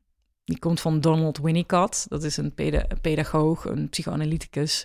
Eh, Hij is al overleden. En die merkte eigenlijk in, zijn, in de tijd van zijn onderzoek al... en dat was in de jaren 50, 60... dat er dus heel perfectionistische mensen kinderen kregen... en dat dat perfectionisme een averechts eh, effect had. Dus hoe beter ze het probeerden te doen... hoe gespannender de Ja, situatie exact, werd... ja, ja. hoe slechter het eigenlijk voor die wat kinderen was. Dit is precies wat ik bedoel, ja? Ja, en ehm, dus hij zei, er is ook zoiets als good enough parenting. En eigenlijk passen we bij de school dat op alles toe. En ik noem het zelf altijd eh, eh, het leven met de Franse slag. Ja, Weet je wel, zo van ongeveer... De, mijn moeder maakte ook zo schoon. Zo van, ja, je moet gewoon een beetje een soort van... boel, En dan is het schoon, hoor. En niet, je moet niet overal... Nee, nee. Dus eh, ik ben niet overal neurotisch in, bijvoorbeeld schoonmaken niet. Maar met kinderen kon ik wel van, oh super, dat is natuurlijk mijn terrein. Zo, dus voor mij is dat echt zoiets wat ik in van, oké, ik doe het ongeveer goed. Ik denk dat ik meer goed doe dan ik schaad. En het is ook van tevoren ja, eigenlijk accepteren dat je, je het fout maakt. gaat Ja, doen, ja, fouten nee, maakt. En ook, nou moet ik wel zeggen dat ik ook enigszins moeite heb met het hele trauma-discours, wat er tegenwoordig met Oké. de hoogtijd Ja, ja, ja. viert in onze, Ja, in, in, in- ook in jouw vakgebied ja, nu. ja, dat klopt. Dus het gaat veel over trauma. Ik heb daar ook veel over eh, door geleerd. Eh, als coach heb je er natuurlijk mee te maken. En tegelijkertijd heb ik er moeite mee dat alles, eigenlijk iedereen en alles heeft trauma's. Terwijl ik het belangrijk vind om een onderscheid te maken tussen een verwonding die echt een, eh, laten we zeggen, een verkreupelend effect heeft. Die dus echt je zo verwondt als we het naar het lichaam zouden vertalen, weet je, een arm Ja. eraf. Dat is een, dat is een trauma in de zin van dat je echt je hele functioneren daardoor wordt beïnvloed. Dat is dat. Maar je hebt ook verwondingen. Ik heb bijvoorbeeld hier aan mijn vinger een hele Ja. gekke verwonding. Dat is ooit door een snijmachine gebeurd. Eh dan heb ik tsit, Ja. bij het schoonmaken. Ja, verschrikkelijk. Als ik eraan denk, beetje traumatisch. Als ik eraan denk, nou dat, dat noem ik dus liever niet traumatisch. Dat Nee. vind ik een verwonding. Ja. Die heeft een tijd nodig om te verwerken. Het levert een litteken op.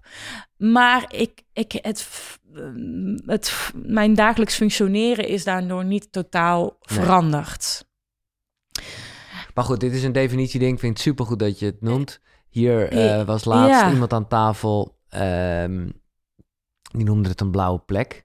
Ja, En dat maakt het al wat minder. Maar dat, dat wel dat je dus die blauwe plek automatisch vermijdt in aanrakingen. Dus ja, dan is ja je... maar die Kijk- geneest wel weer. En ook Ja, zo bedoel Ne- eh, ja, en die geneest weer. ja, oké. En bij kinderen, weet je, ik zie het ook een beetje. En dit is eh, theorie, hè. In de praktijk vind ik het moeilijk, maar mij, he- mijn, mijn, het helpt mij als ik een goed beeld daarbij heb van het echte effect dat het op mijn kinderen heeft. Ik denk dat ik mijn kinderen geregeld buts en beschadig. Tuurlijk, ja. En, eh, Ja. Vandaag Maar sprak jij noemt het gewoon geen trauma. En dat is een beetje... Ik zit hier net eigenlijk de Ja. afgelopen uitzendingen Ja. pleidooi te houden voor trauma. Jongens, maak het woord niet zo groot. Ja. Eh, de- maar misschien moet je dus een ander woord gebruiken, omdat het daardoor trauma. Een soort disrespect naar de mensen met trauma. Ja, Oké. ik denk dan van ja, mensen met een echt trauma. Ja. eh, eh, weet je wel, die echt, nou, dingen die zo Ja. zwaar verwond zijn in hun lijf en psyche en hun, en, en, en hun body-mind, die hebben daar ook een woord voor nodig. Maar voor de butsen en schaven en eigenlijk hele normale butsen en schaven, laten we dat dan even Ja, niet in dat, nee, in dat kader trekken. Dat helpt mij weer als ik dan mijn kind aan het butsen en schaven ben. Dat doe ik heel vaak 's ochtends, omdat het dan allemaal niet snel genoeg gaat. En het is heel moeilijk om je kinderen op tijd. En dan ga ik ja. toch staan schreeuwen. Eh, en eh, dan En jij ik- wil gewoon niet eh, het gevoel hebben dat je hun nou, dan ben geeft. ik daarna denk ik, oh, ik ben een Ja. kutmoeder, want ik heb gestaan Nee, schreeuwen. dus dit- en dan denk ik, oké, Nee, kan- dat snap ik het. Maar ik vind toch ook de andere kant... Ik hoor echt wat je zegt. Tegelijkertijd ga je je toch anders gedragen als je een schaafwond hebt ergens. Omdat je gewoon toch denkt, oh, ik wil daar niet... Ja, maar is dat keer- zo erg? Nee, is niet erg. Ja, Maar ik denk wel dat het heel belangrijk is om te weten ja, dat je die schaafwond hebt. ja, eh, en dat je daardoor eh je anders Ja. gedraagt. ja. En dan nou, is als het... ik dan heel praktisch Ja, maak voor ouders, want daar kwam, Ja, kwam je vraag vandaan, toch? Heb je trouwens zelf ook kinderen? Dat Nee, ja, maar... eh, Oké, nou ja. Misschien herken je het in andere situaties. ja. Eh, ja, leer je excuses aanbieden aan je, Aan kind. je kinderen, ja? Ja, vind ik wel. Ja, vind ik ook. eh, Ja, en mijn moeder deed dat heel veel bij mij. En, eh, en ik doe het nu En, ook en heel vaak is, bij mijn en kinderen. voor de verhoudingen blijft dat dan wel... Want je bent ook de ouder. Ja, ja, Maar goed... Ik, ja, maar ik denk dat je ook een beetje aan moet voelen. En misschien doe ik Ja. dit ook niet perfect. Nee. Van, maar ik vind soms wel echt, als ik echt merk van... Ah man, dat was echt out of order eh, om zo kwaad te worden. Terwijl Ja. het eigenlijk voortkwam uit mijn stress.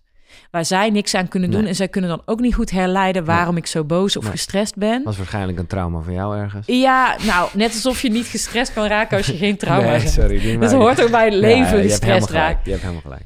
Nee, maar dit is precies waarom ik dus een beetje moeite heb. Omdat je dus alle, elke negatieve ervaring zou koppelen alsof hij te voorkomen is. Nee, elk voor, negatief ding te voorkomen is als we... Je moet het ook Maar- niet willen, maar... Ja, dat is helemaal niet zo. Nee.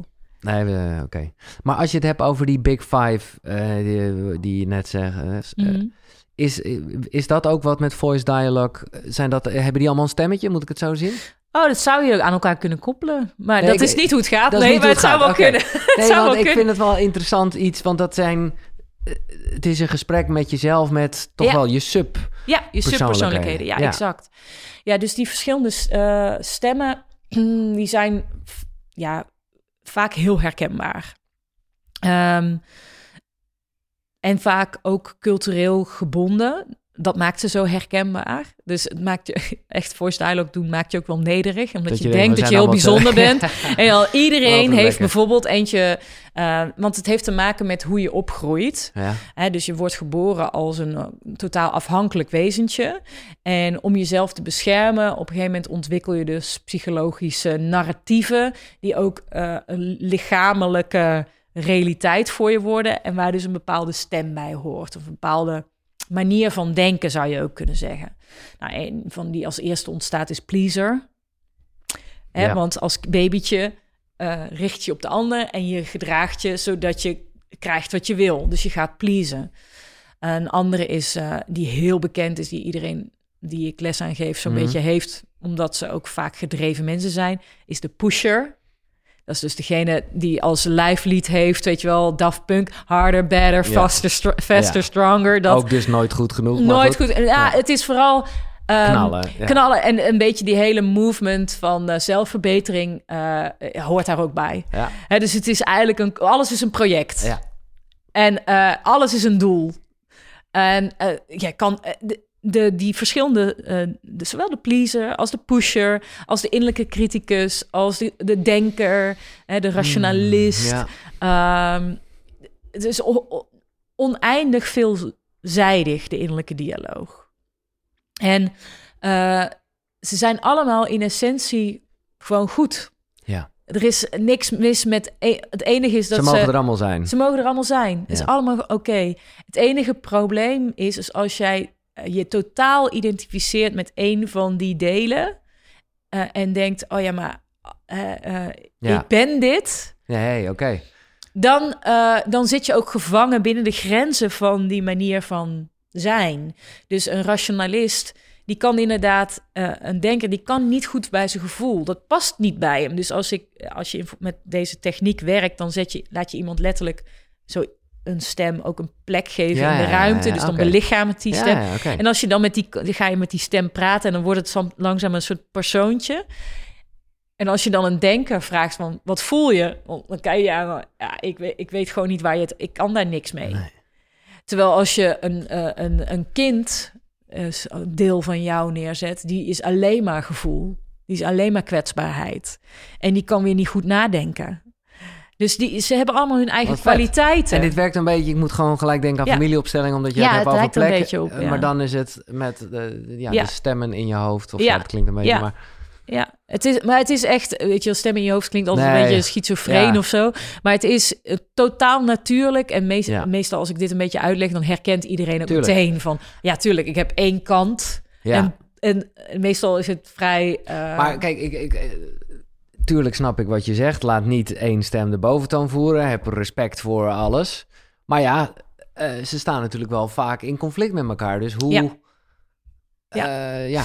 ja, dus wat, je, wat de bedoeling is met deze methode, is dat je eigenlijk uh, het bewuste ego sterker maakt. En het bewuste ego is hetgene dat in staat is om um, Zowel, laten we zeggen dat je enerzijds, je hebt, je hebt een relatie en je bent enerzijds snel geneigd om dus heel pleasant en meegaand te zijn, maar ergens in de achterbak van je, van je bewustzijn zit ook iets van fuck you. Hè? Dus, uh, en de fuck you zit in de, in de achterbak, die is een beetje verstoten of uh, onderontwikkeld. Nou, wat je dan uh, zou doen met uh, deze techniek is eigenlijk eerst, je begint altijd met hetgene wat vertrouwd is. Eerst laat je die pleaser helemaal er zijn. Ja. Gaat erin staan. Helemaal, oké, ja, ik vind het gewoon zo fijn als de ander van me houdt. Ik, wil, ik ben zo blij als ik de ander kan helpen. Ik vind helpen zo fijn. Nou, laat je helemaal zijn verhaal vertellen. Herken je dit? Nee, ja, ja. ja, ja, en ik, het lijkt dus, me, ja. ja dus, je, hè, dus je bent helemaal afgestemd op die ander. Je voelt je daar fijn bij. En als je, hoe meer je dat er laat zijn, op een gegeven moment is het op, en merk je, dat het tegenstelde ook er wil zijn. Ja, ja, ja. Nou, je, kom je terug naar het midden, dat is het bewuste deel. Ah. En dan laat je het andere opkomen. Oké, de fuck you. En misschien is in het begin een heel klein fuck you. En dan op een gegeven moment wordt het een grotere fuck you. En op een gegeven moment is het van, wat een eikel. Ik ben eigenlijk helemaal, ik heb helemaal geen zin om met wie dan ook rekening te houden. Die laat je er zijn, kom je terug naar het midden. En dan ben je eigenlijk, dat is, je, dat is wat je sterker wil maken. Die dans tussen die delen wil je van, oh ja, die wil dat. En dat is eigenlijk heel legitiem, die wil dat. Dat is eigenlijk heel legitiem. Wat, wat, wat is nou in mijn bewustzijn hetgene wat nu echt nodig is? En daar vertrouwen in op leren bouwen, dat jij daarin in staat bent om een keuze te maken. Dus niet iemand anders van, oh, je moet echt eens uh, meer fuck you. Misschien is dat helemaal niet waar voor jou. Oké, dit is top, hè? Dus, dus als ik het goed begrijp, want ik, ik, ik, toen jij zei bewuste ego, toen, toen snapte ik het even niet. Maar eigenlijk is dat gewoon, uh, nou ja, onafhankelijk, uh, de, bestaat niet. Uh, de, de, want ik wilde eigenlijk al naar ego toe. Dat zijn, denk ik, als ik het jou schetsen, al die stemmen bij elkaar opgeteld. Is het ego? Nee, ik denk dat het ego is hetgene dat al die delen kan waarnemen. Oké. Dus al die delen um, ja, als het theater waardoor de alle delen heen dansen. Dus het, die afwisseling gaat razendsnel. Heeft ook heel erg met de context te maken. Dus in, in deze situatie met jou. Dus even de eh, bus. Dus we hadden het eerder. Een over die bus. Ja. dus het ego is de bus. Ja, dat omvat het geheel. Ja, precies. Ja, en dat is vaak onbewust.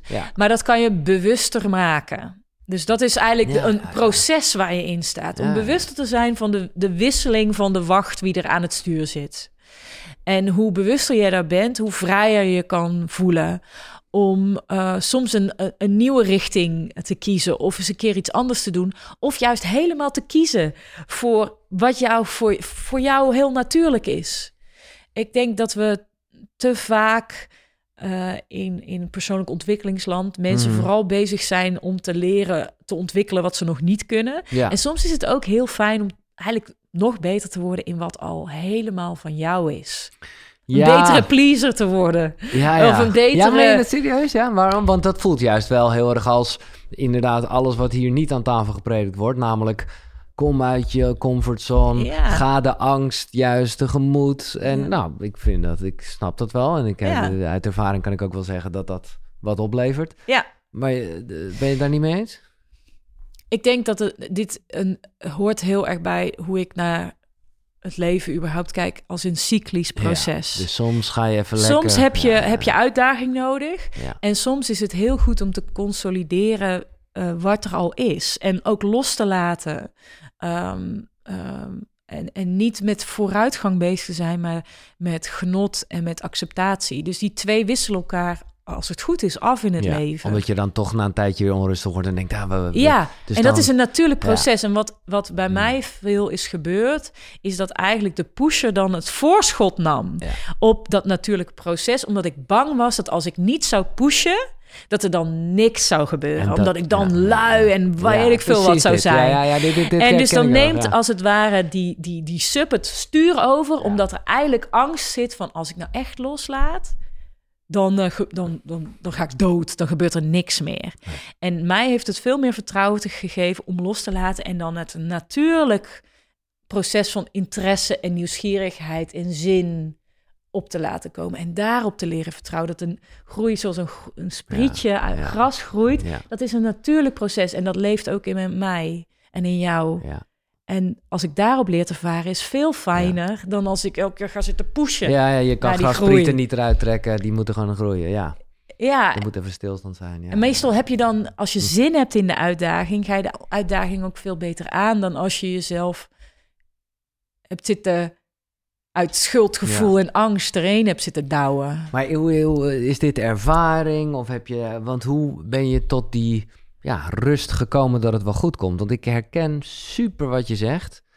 Eh, ook bijvoorbeeld eh, als er wel eens non-dualisme ter sprake kwam... dan werd ik altijd helemaal kriegelig. Want dan dacht ik, ja, dan kan ik net zo goed op de bank gaan Ja, zitten... ja. chips eten. En ik voel al wel steeds meer dat, dat ik denk... ja, maar dat is helemaal niet wat ik wil. Dus dat gaat ook Dat niet gebeurt gebeuren. helemaal niet. Ja, maar toch exact. is het dus die angst. En daarom de man met de zweep, of hoe je het ook wil zeggen... Ja, ja, ja. eh, ben ik zeer bekend mee. ja. Hoe, eh, ja. Ja, weet je wat, eh, er komt nou een herinnering in me op. Ik denk niet dat ik dit me- bemeester. Nee, oké. Eh?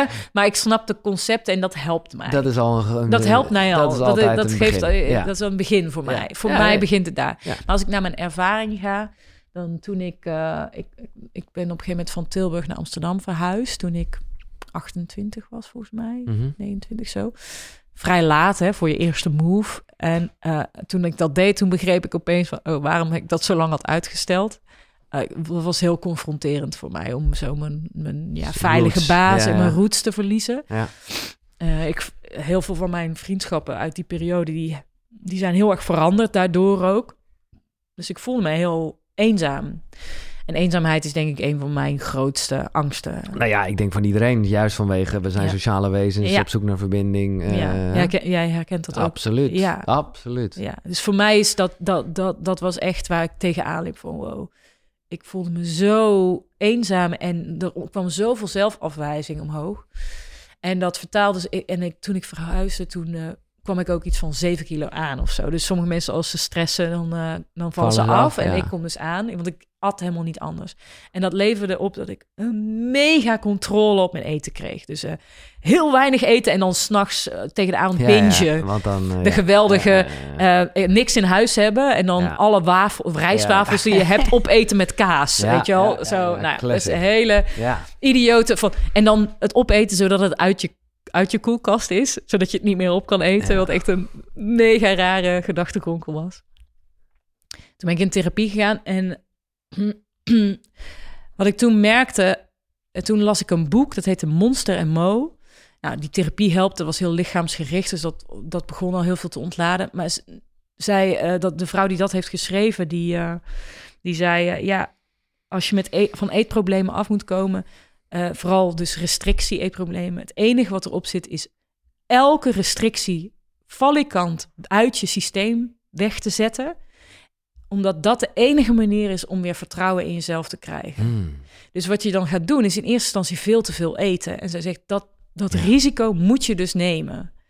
Dus dat ben ik toen gaan doen. Ik heb elke restrictie die ik had, ben ik heel bewust gewoon gaan tegenwerken. De enige wie ik over heb gehouden, is dat ik geen niet voor low grade zou gaan. Ah. Dus als ik dan over... Dus dat, ik ging te veel eten, maar ik zou alleen nog maar de lekkerste chocola Ja, eten. ja, geen- En de beste taartjes. En de beste kaas die ik kon vinden. Dus niks meer van de, al die knaller, weet ik veel wat.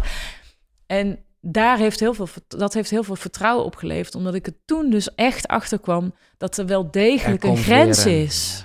Van nature. Ja, maar dat kwam, kon ik alleen maar echt geloven omdat ik het meemaakte. Ja. Dat er wel een moment is dat ik voldoende had. Ik was bang dat als ik alle grenzen los zou laten, Ja, dat ik nooit genoeg zou eten. Nee. Dat ik soort van, dan zou ik een soort van exploderen, of, eh, zoals in. Seven, weet je wel, die, die, die dikzak die dan zo. En, nee, ah. alleen die ervaring kon mij dat vertrouwen geven dat er wel degelijk een grens is, dat ik wel verzadigd kon raken. Een mooi voorbeeld, de aanleiding van waar we het over hadden. De- Ja. Fantastisch. Eh, Dus laat het gebeuren. Ja, en misschien wel binnen. Kijk, ik werd wel begeleid. Ja. Niet met, met deze methode of zo. Nee, ik had nee. gewoon therapie, waardoor ik erover kon praten. Ehm, in, kijk, in, in, in situaties waar het zo, is, zo erg is, dat je Mhm. echt destructieve Ja. gevolgen hebt. Je denkt dat je gewoon altijd ook begeleiding nodig hebt. Ehm, maar ja, jij noemde net non-dualisme, dat die zo de kriegels eh, ook bij Ja. oproept. Wij is al iets minder aan het worden hoor. Ja, Dat komt eigenlijk door dit jaar, omdat ik, nou ja, toch een beetje het oncomfortabele expres Ja. ben gaan opzoeken. Wie ben Ja. ik zonder dat ik radio maak? ja, ja, ja. En dan blijkt, ja, het blijkt allemaal dus wel mee te vallen of mee te vallen. Je bent nog steeds iemand. Ja, ja. Ja. Nee, maar dat is het toch een ja, beetje. ja, precies, ja, ja. ja. ja. Ja.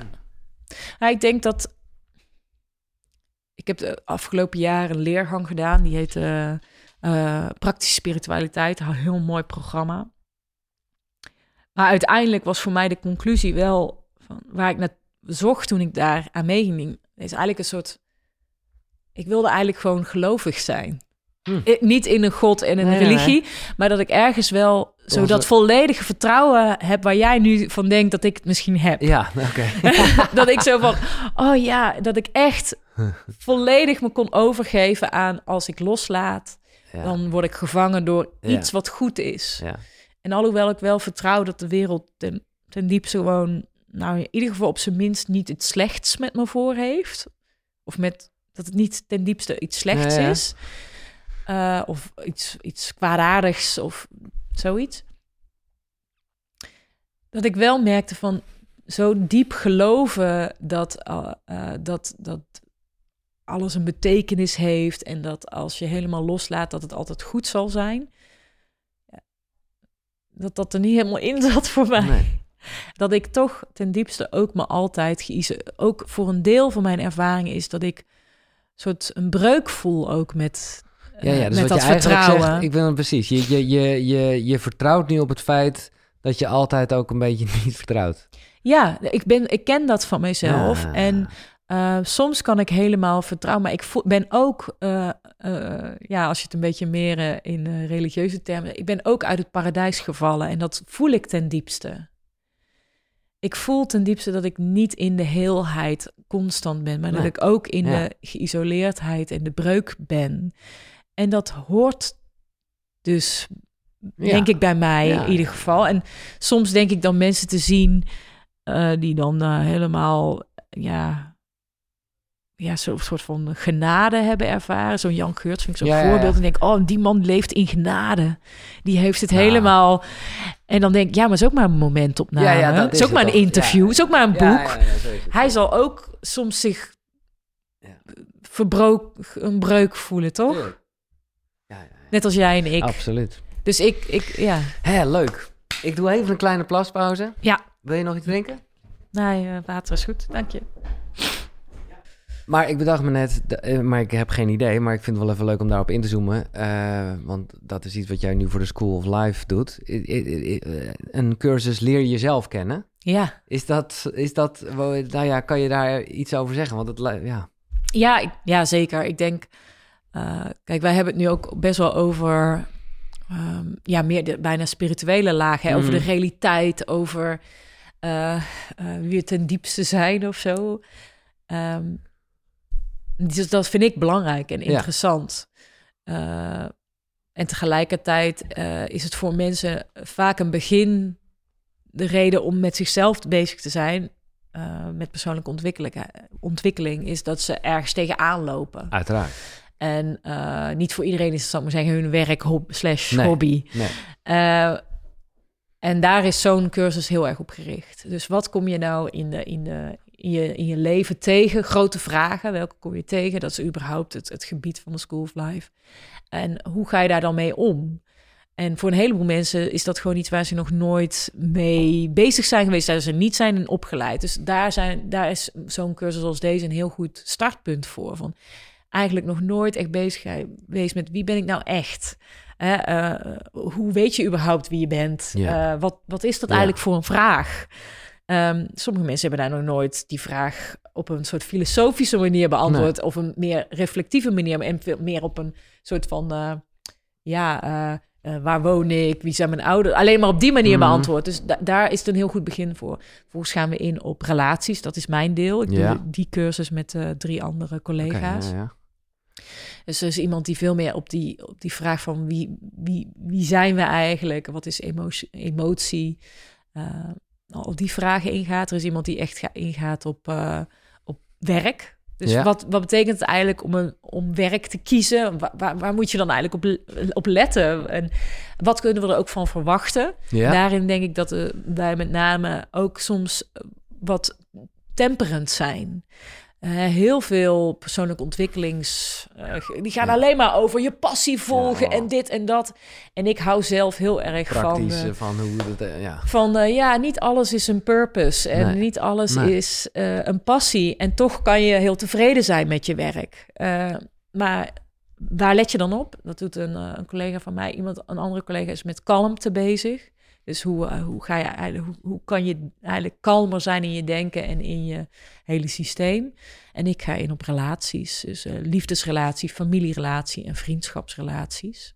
En daar ook dan de patronen in. Ja, dus het gaat heel erg over uh, ja, de patronen daarin leren herkennen. En eigenlijk dus begrijpen, ja, alleen al dat begrip van Ja. hoe werkt dat nou eigenlijk, geeft al denk ik heel veel rust. Vervolgens zijn er ook oefeningen en, uh, en dat soort dingen. Het is een online uh, Mhm. cursus, dus uh, ja, sommige mensen zullen dat heel actief doen. Anderen die nemen het lekker tot zich Ja. en uh, gaan er op die manier. Nou, ik geloof wel als je net je eigen verhaal schetst dat hè, de, de kennis van kennis eh, is een heel fijn begin. ja, Maar ik hoorde wel gelijk dat jij zei, en toen dacht ik, ja, dat is eh, toch voor mij ook essentieel. eh, dat je eh, ook echt met voelen en echt, Ja. echt in je lijf ja, hè? Bezig bent. Ja. ja. Maar dat is, ja. ja. als we even teruggaan waar we het eerder over hadden, wetenschappelijk technisch gezien. Ik weet niet of daar al dingen bewezen over zijn, maar dat, ja, zeker. ja. Dat, ja, tuurlijk. Want dat, dat, dat Maar doe jij dat bijvoorbeeld op, die, op, op je eigen retraites? ja, zeker. Zit daar ook het voelen? Ja, oké. zeker. Ja, ja. Ja, dan ben ik en ik probeer dat. Je kan ook, uh, maar zeggen, kennis geven over die connectie. Hè? Ja. Dus dat helpt voor Ja. mensen ook al. Dat ze begrijpen dat die connectie er is. En dat ze dan vervolgens daarmee aan de slag gaan. Dat kan misschien in een ander programma. Of het nou bij de school of bij mij is. Of, of bij iemand anders. Dat maakt mij echt helemaal niks uit. Het gaat er gewoon om dat mensen hun weg vinden. En voor een heleboel mensen is met jezelf bezig zijn een onbekend terrein. Dus die weten hun uh, route nog helemaal niet. Nee. En dan is dit een heel goed begin om überhaupt door te hebben wat er allemaal wel niet mogelijk is uh, aan persoonlijke ontwikkeling. En ik denk ook, en daar hoop ik altijd heel erg op, is het meestal beginnen mensen eraan omdat ze een probleem hebben. Mhm. Maar persoonlijke ontwikkeling is ook gewoon super Nee, leuk. superleuk. Ja, het is ook gewoon een avontuur met jezelf en met je partner aangaan. En, maar meestal is dat niet de reden om eraan te beginnen, maar dat kan het wel worden. Dat kan het wel worden, nee, precies. Zeker met je partner. Ja. Weet je wel, je hoeft niet pas met, een, met, met de bewuste relatie, zo noem ik het, Mhm. uh, bezig te zijn als het kloten gaat. Je kan, Nee. Het is ook ontzettend leuk om elkaar op allerlei verschillende manieren te leren kennen. En, uh, Nou, ik vind het mooi, er wordt, er wordt wel eens, uh, nou ja, en dat heb ik dan ook wel gedaan, over relatietherapie gesproken als, ja. doe het ook als een APK-keuring. En Ja. ga niet alleen maar naar de garage op het moment dat er Ja, iets uh, rammelt. Ja, Uh, ja. ja, ik, ik, ik, zit nog, ik vind het op een of andere manier een beetje een suffe...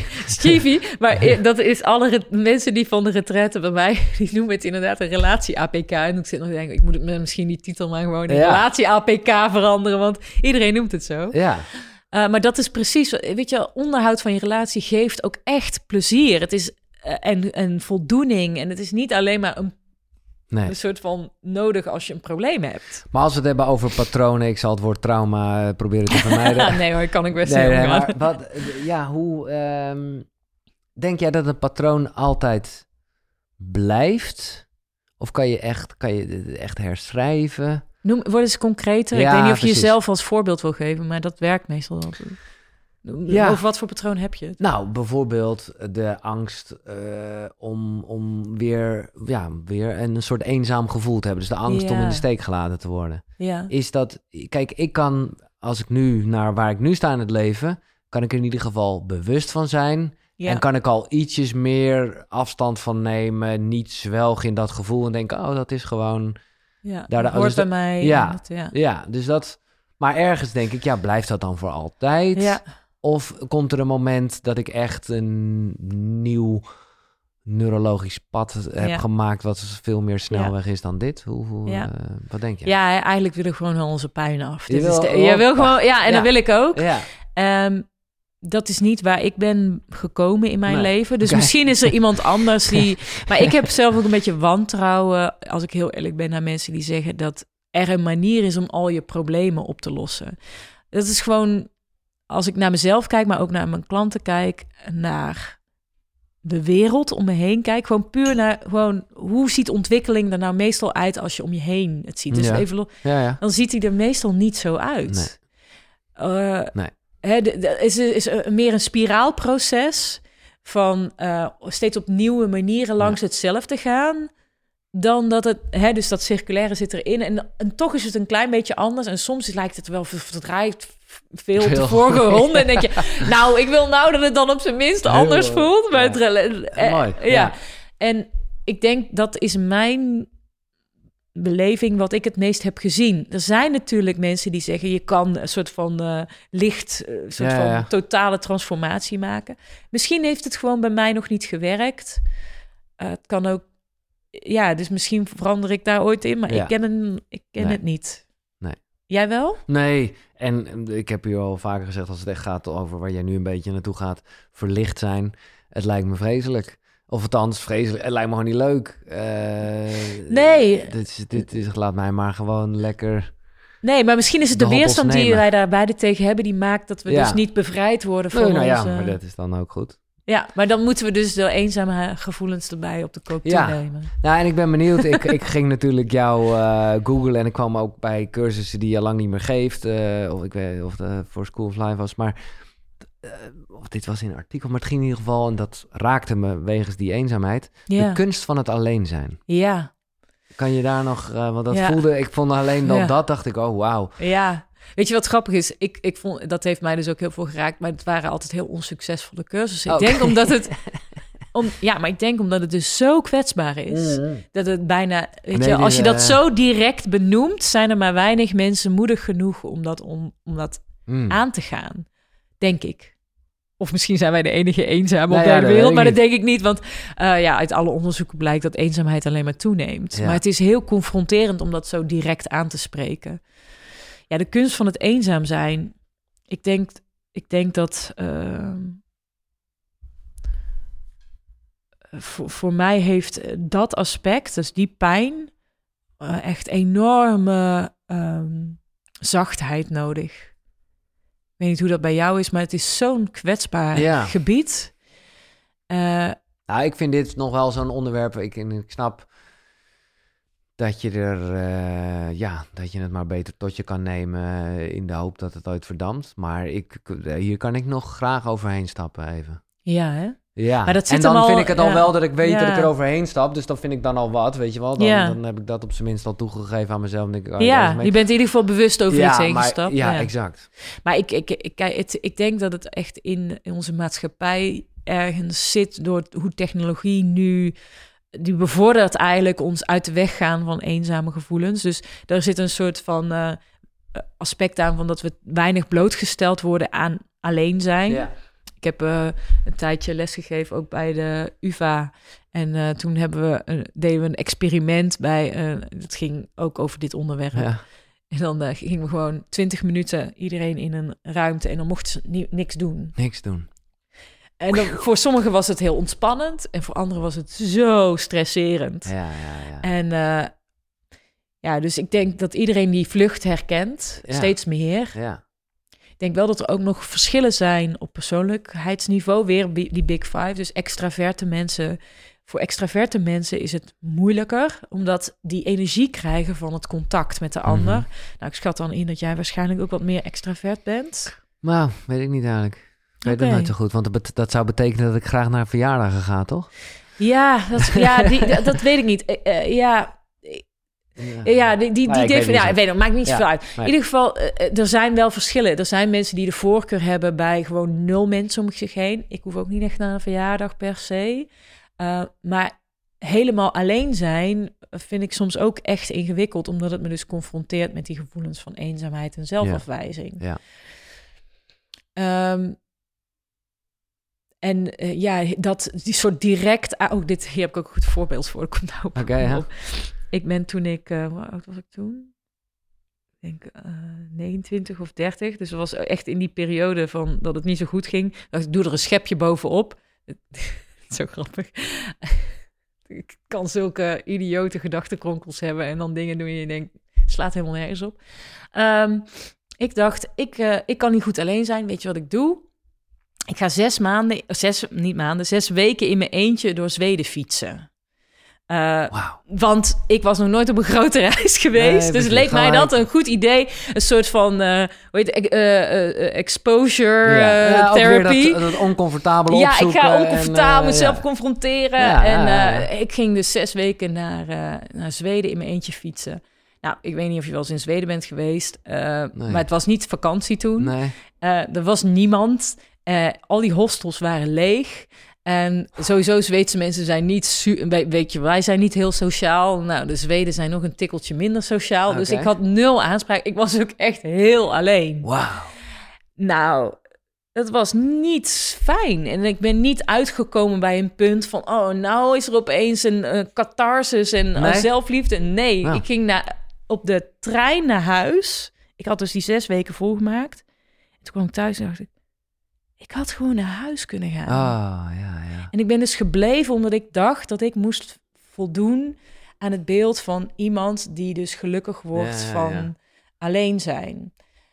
Maar zelf, Oftewel, dus, die, e- de, dus ik denk dat, alhoewel eenzaamheid absoluut iets ook voor mij is om onder ogen te zien dat daar dus voor een deel van mijn eh, gedrag door gemotiveerd wordt. Mhm. Omdat ik daar angst voor heb of eh, heel confronterend veel vind. En tegelijkertijd denk ik dat het oké is dat ik dus contact eh, prefereer. Ja, En dat eh, eh, er een verschil is tussen ehm, bewustzijn van ik heb die angst en misschien is het goed om in de juiste dosis soms die eenzaamheid, die confrontatie aan te gaan. mhm.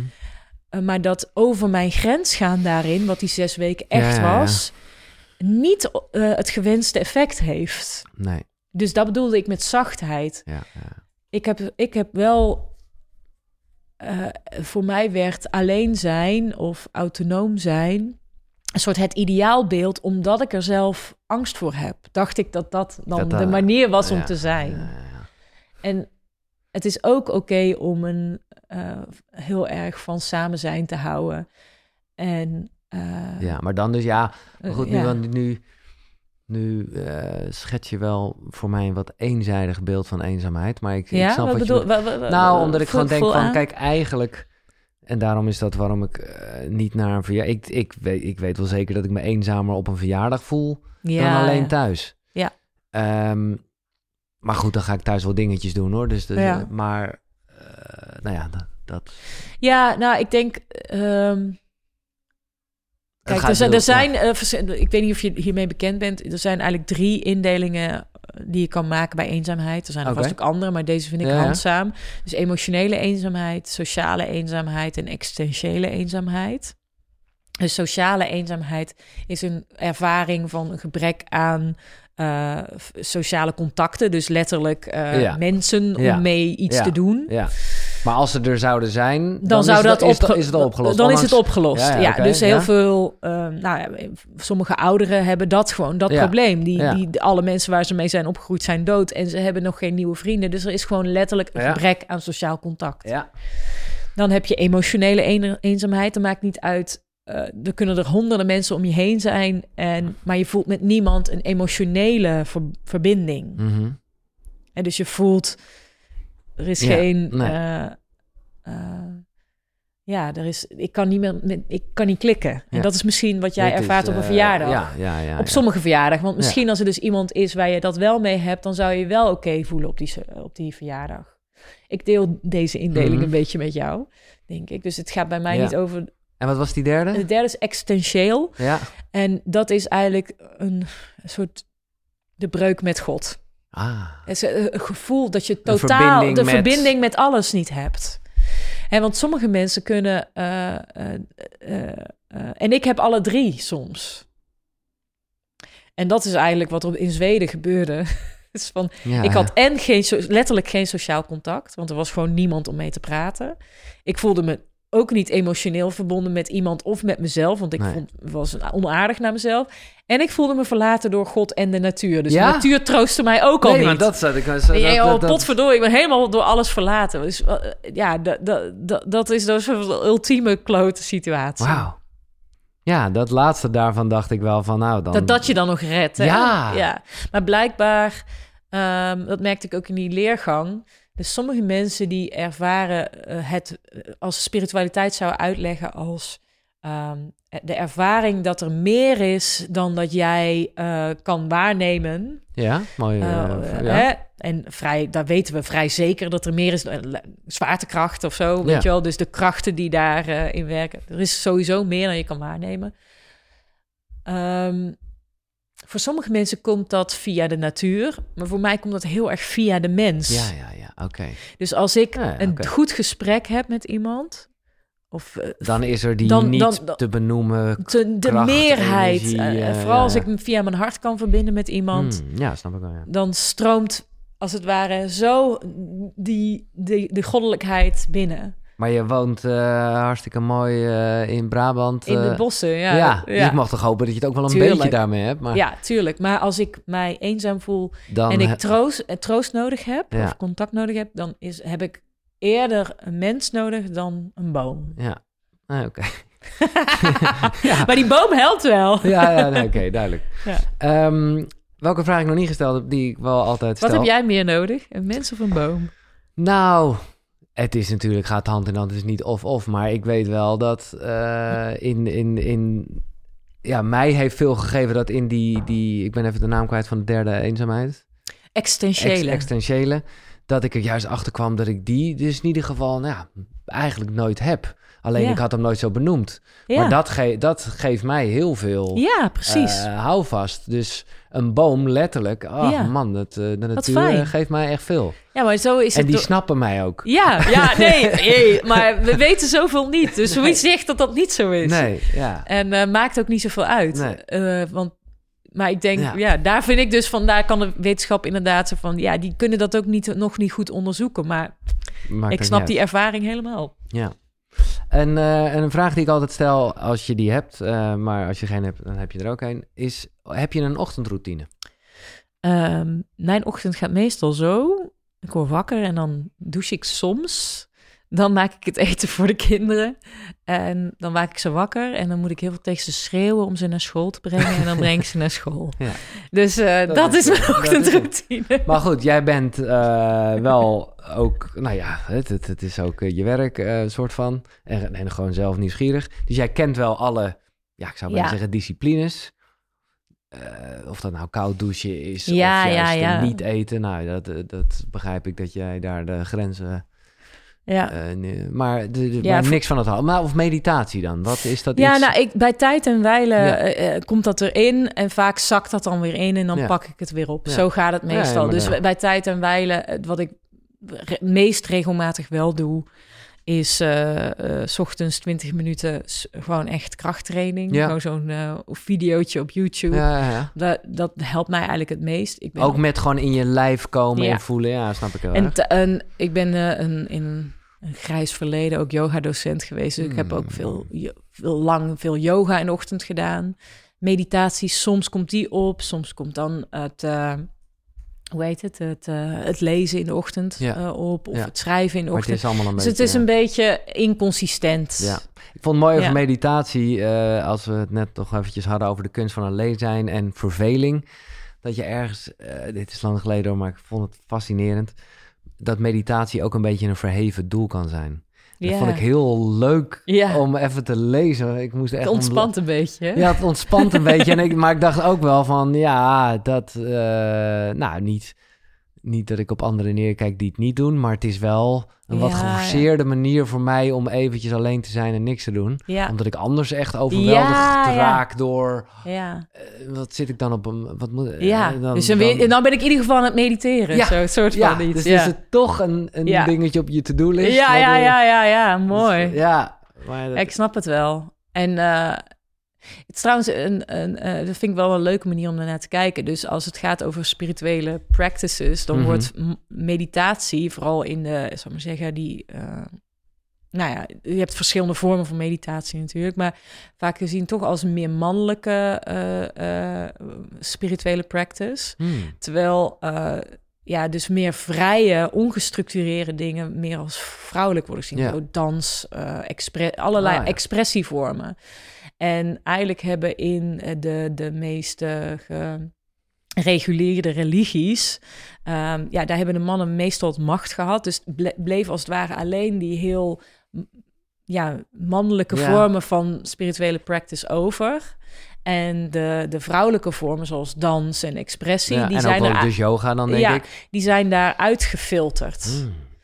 Eh, dus dat, dat, dat is ook nog wel iets van, nou ja, niet voor iedereen is meditatie de weg naar het hogere. Er zijn ook eh, andere vormen die, eh, ja, die daarbij horen. En ik denk dat ouderschap je ook gewoon heel erg confronteert met, ja, dit is wel echt iets wat vooral voor mensen heel toegankelijk is die eh, geen kleine kinderen Ja. hebben. Ja, ja, ja. ja, En eh, niet zo gek dat het altijd voor monniken was. En, Nee. eh, die hadden niet van die irritante wezens die, die hun confronteerden met weet ik veel wat allemaal. En met hun behoeftes en zorg die ze nodig hadden. En ja.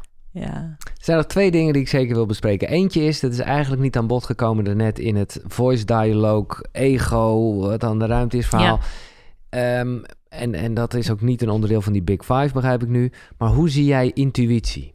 Want in, de, in, de, in de vergelijking eh, hè, met wel bijvoorbeeld de mensen of de, de, de stem in de bus, is het Mm. vaak van ja, intuïtie fluistert.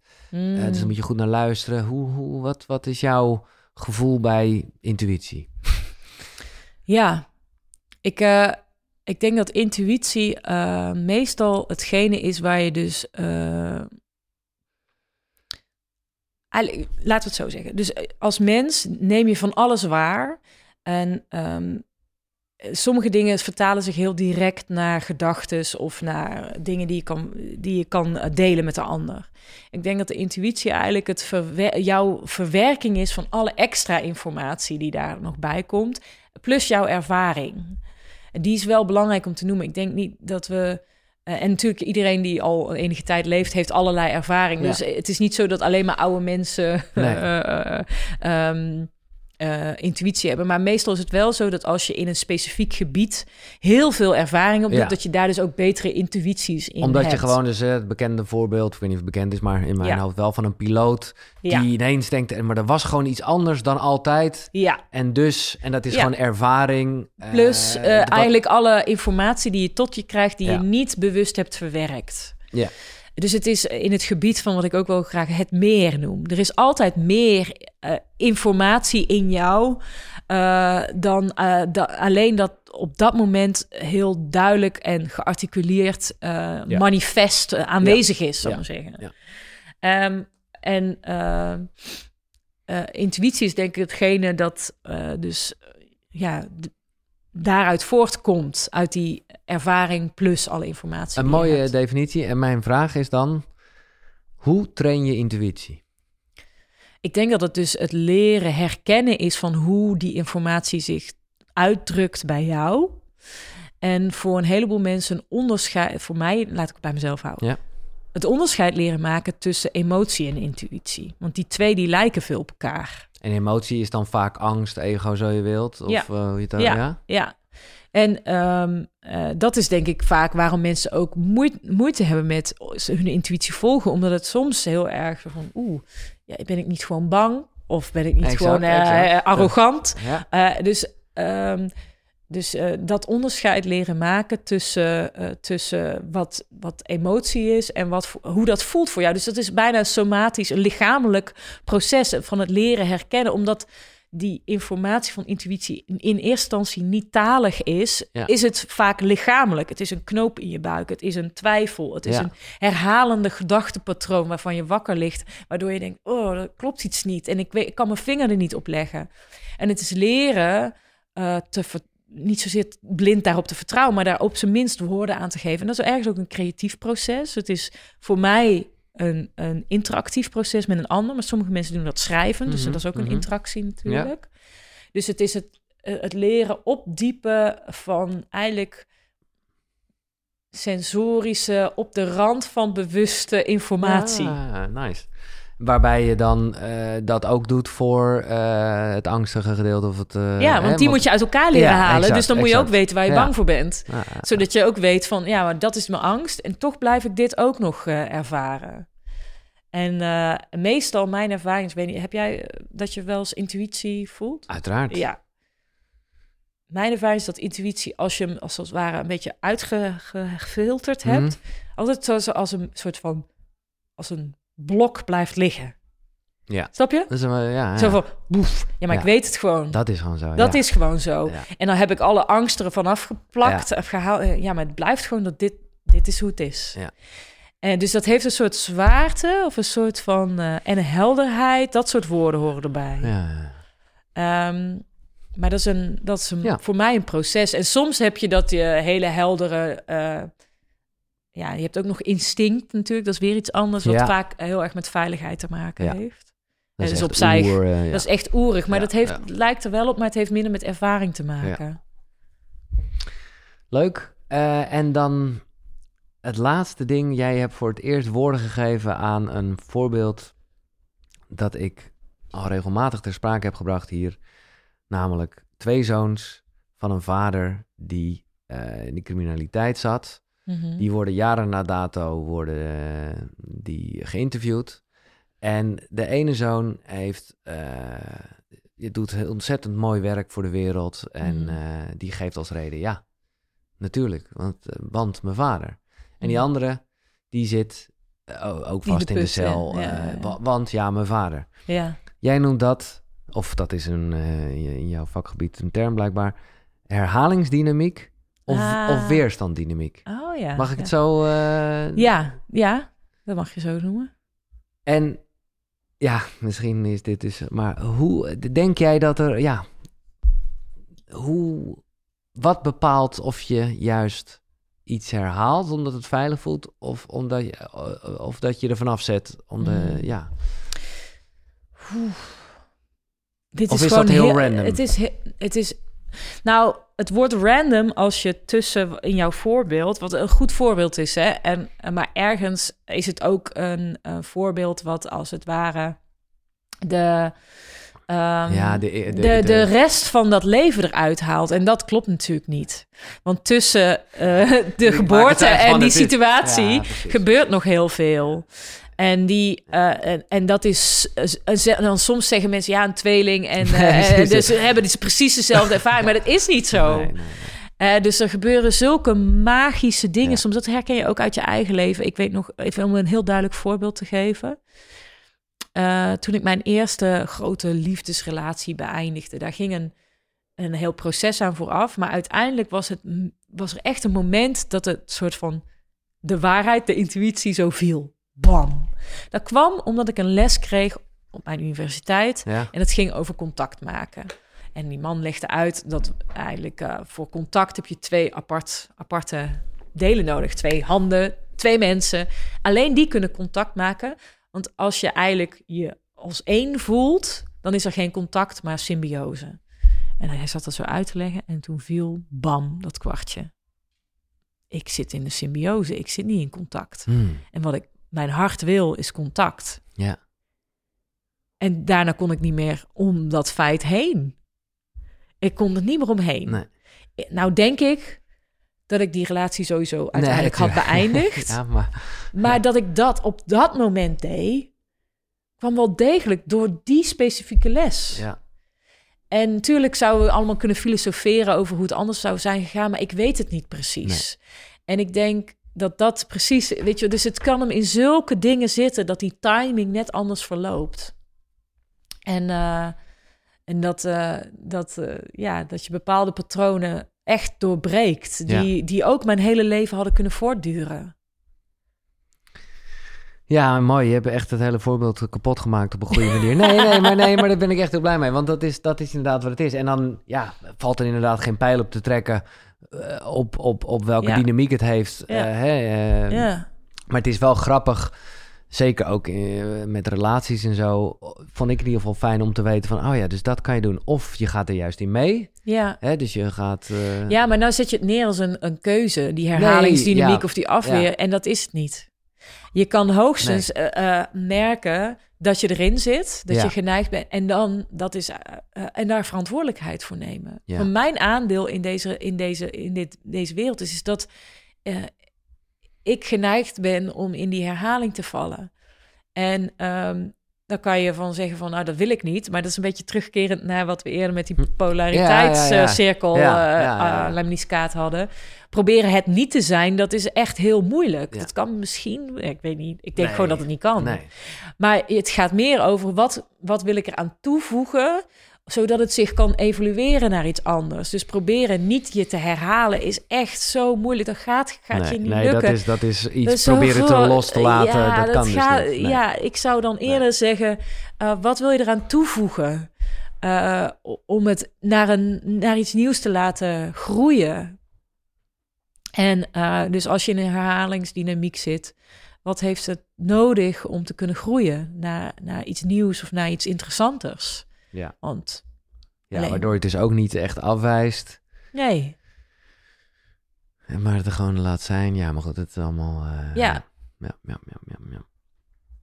Ja, ik zou toch zeggen, Reine, eh, je kan natuurlijk ook gewoon... eh, nou, ik zeg niet dat we dit gesprek gelijk moeten uittikken dat je een boek hebt, maar ik zou... Je bedoel, je hoeft er niet zelf te schrijven om wel je kennis te delen. nee, dat is waar. Ik, Ja. ik, ik, ik- moet alleen dan even een onderwerp kiezen. Ja, maar ik vind die voice dialogue, maar dat is misschien meer omdat het voor mezelf nog een beetje... ja, ehm, onbekend is. Ja. onbekend is, vind ik heel... Nou, ook omdat het... eh, dat voel ik een beetje eruit, dat het ook eh, zo lekker oordeelloos is. Dat het ja, vooral, dat is heel fijn. Ja, Ja, en dat is wel tof. ja dat is heerlijk. Ja, Het is, het is, en weet je, als je, als je in een open stemming bent, eh, dan is, is het heerlijk eh, creatief en, en verruimend. En als je een, in een down stemming bent, is het heel verwarrend. dan, of, is- eh, nou, dan, dan, geeft het je, dan geeft het je ook een anker. Want dan kan het van, oké, dit hoort bij mij.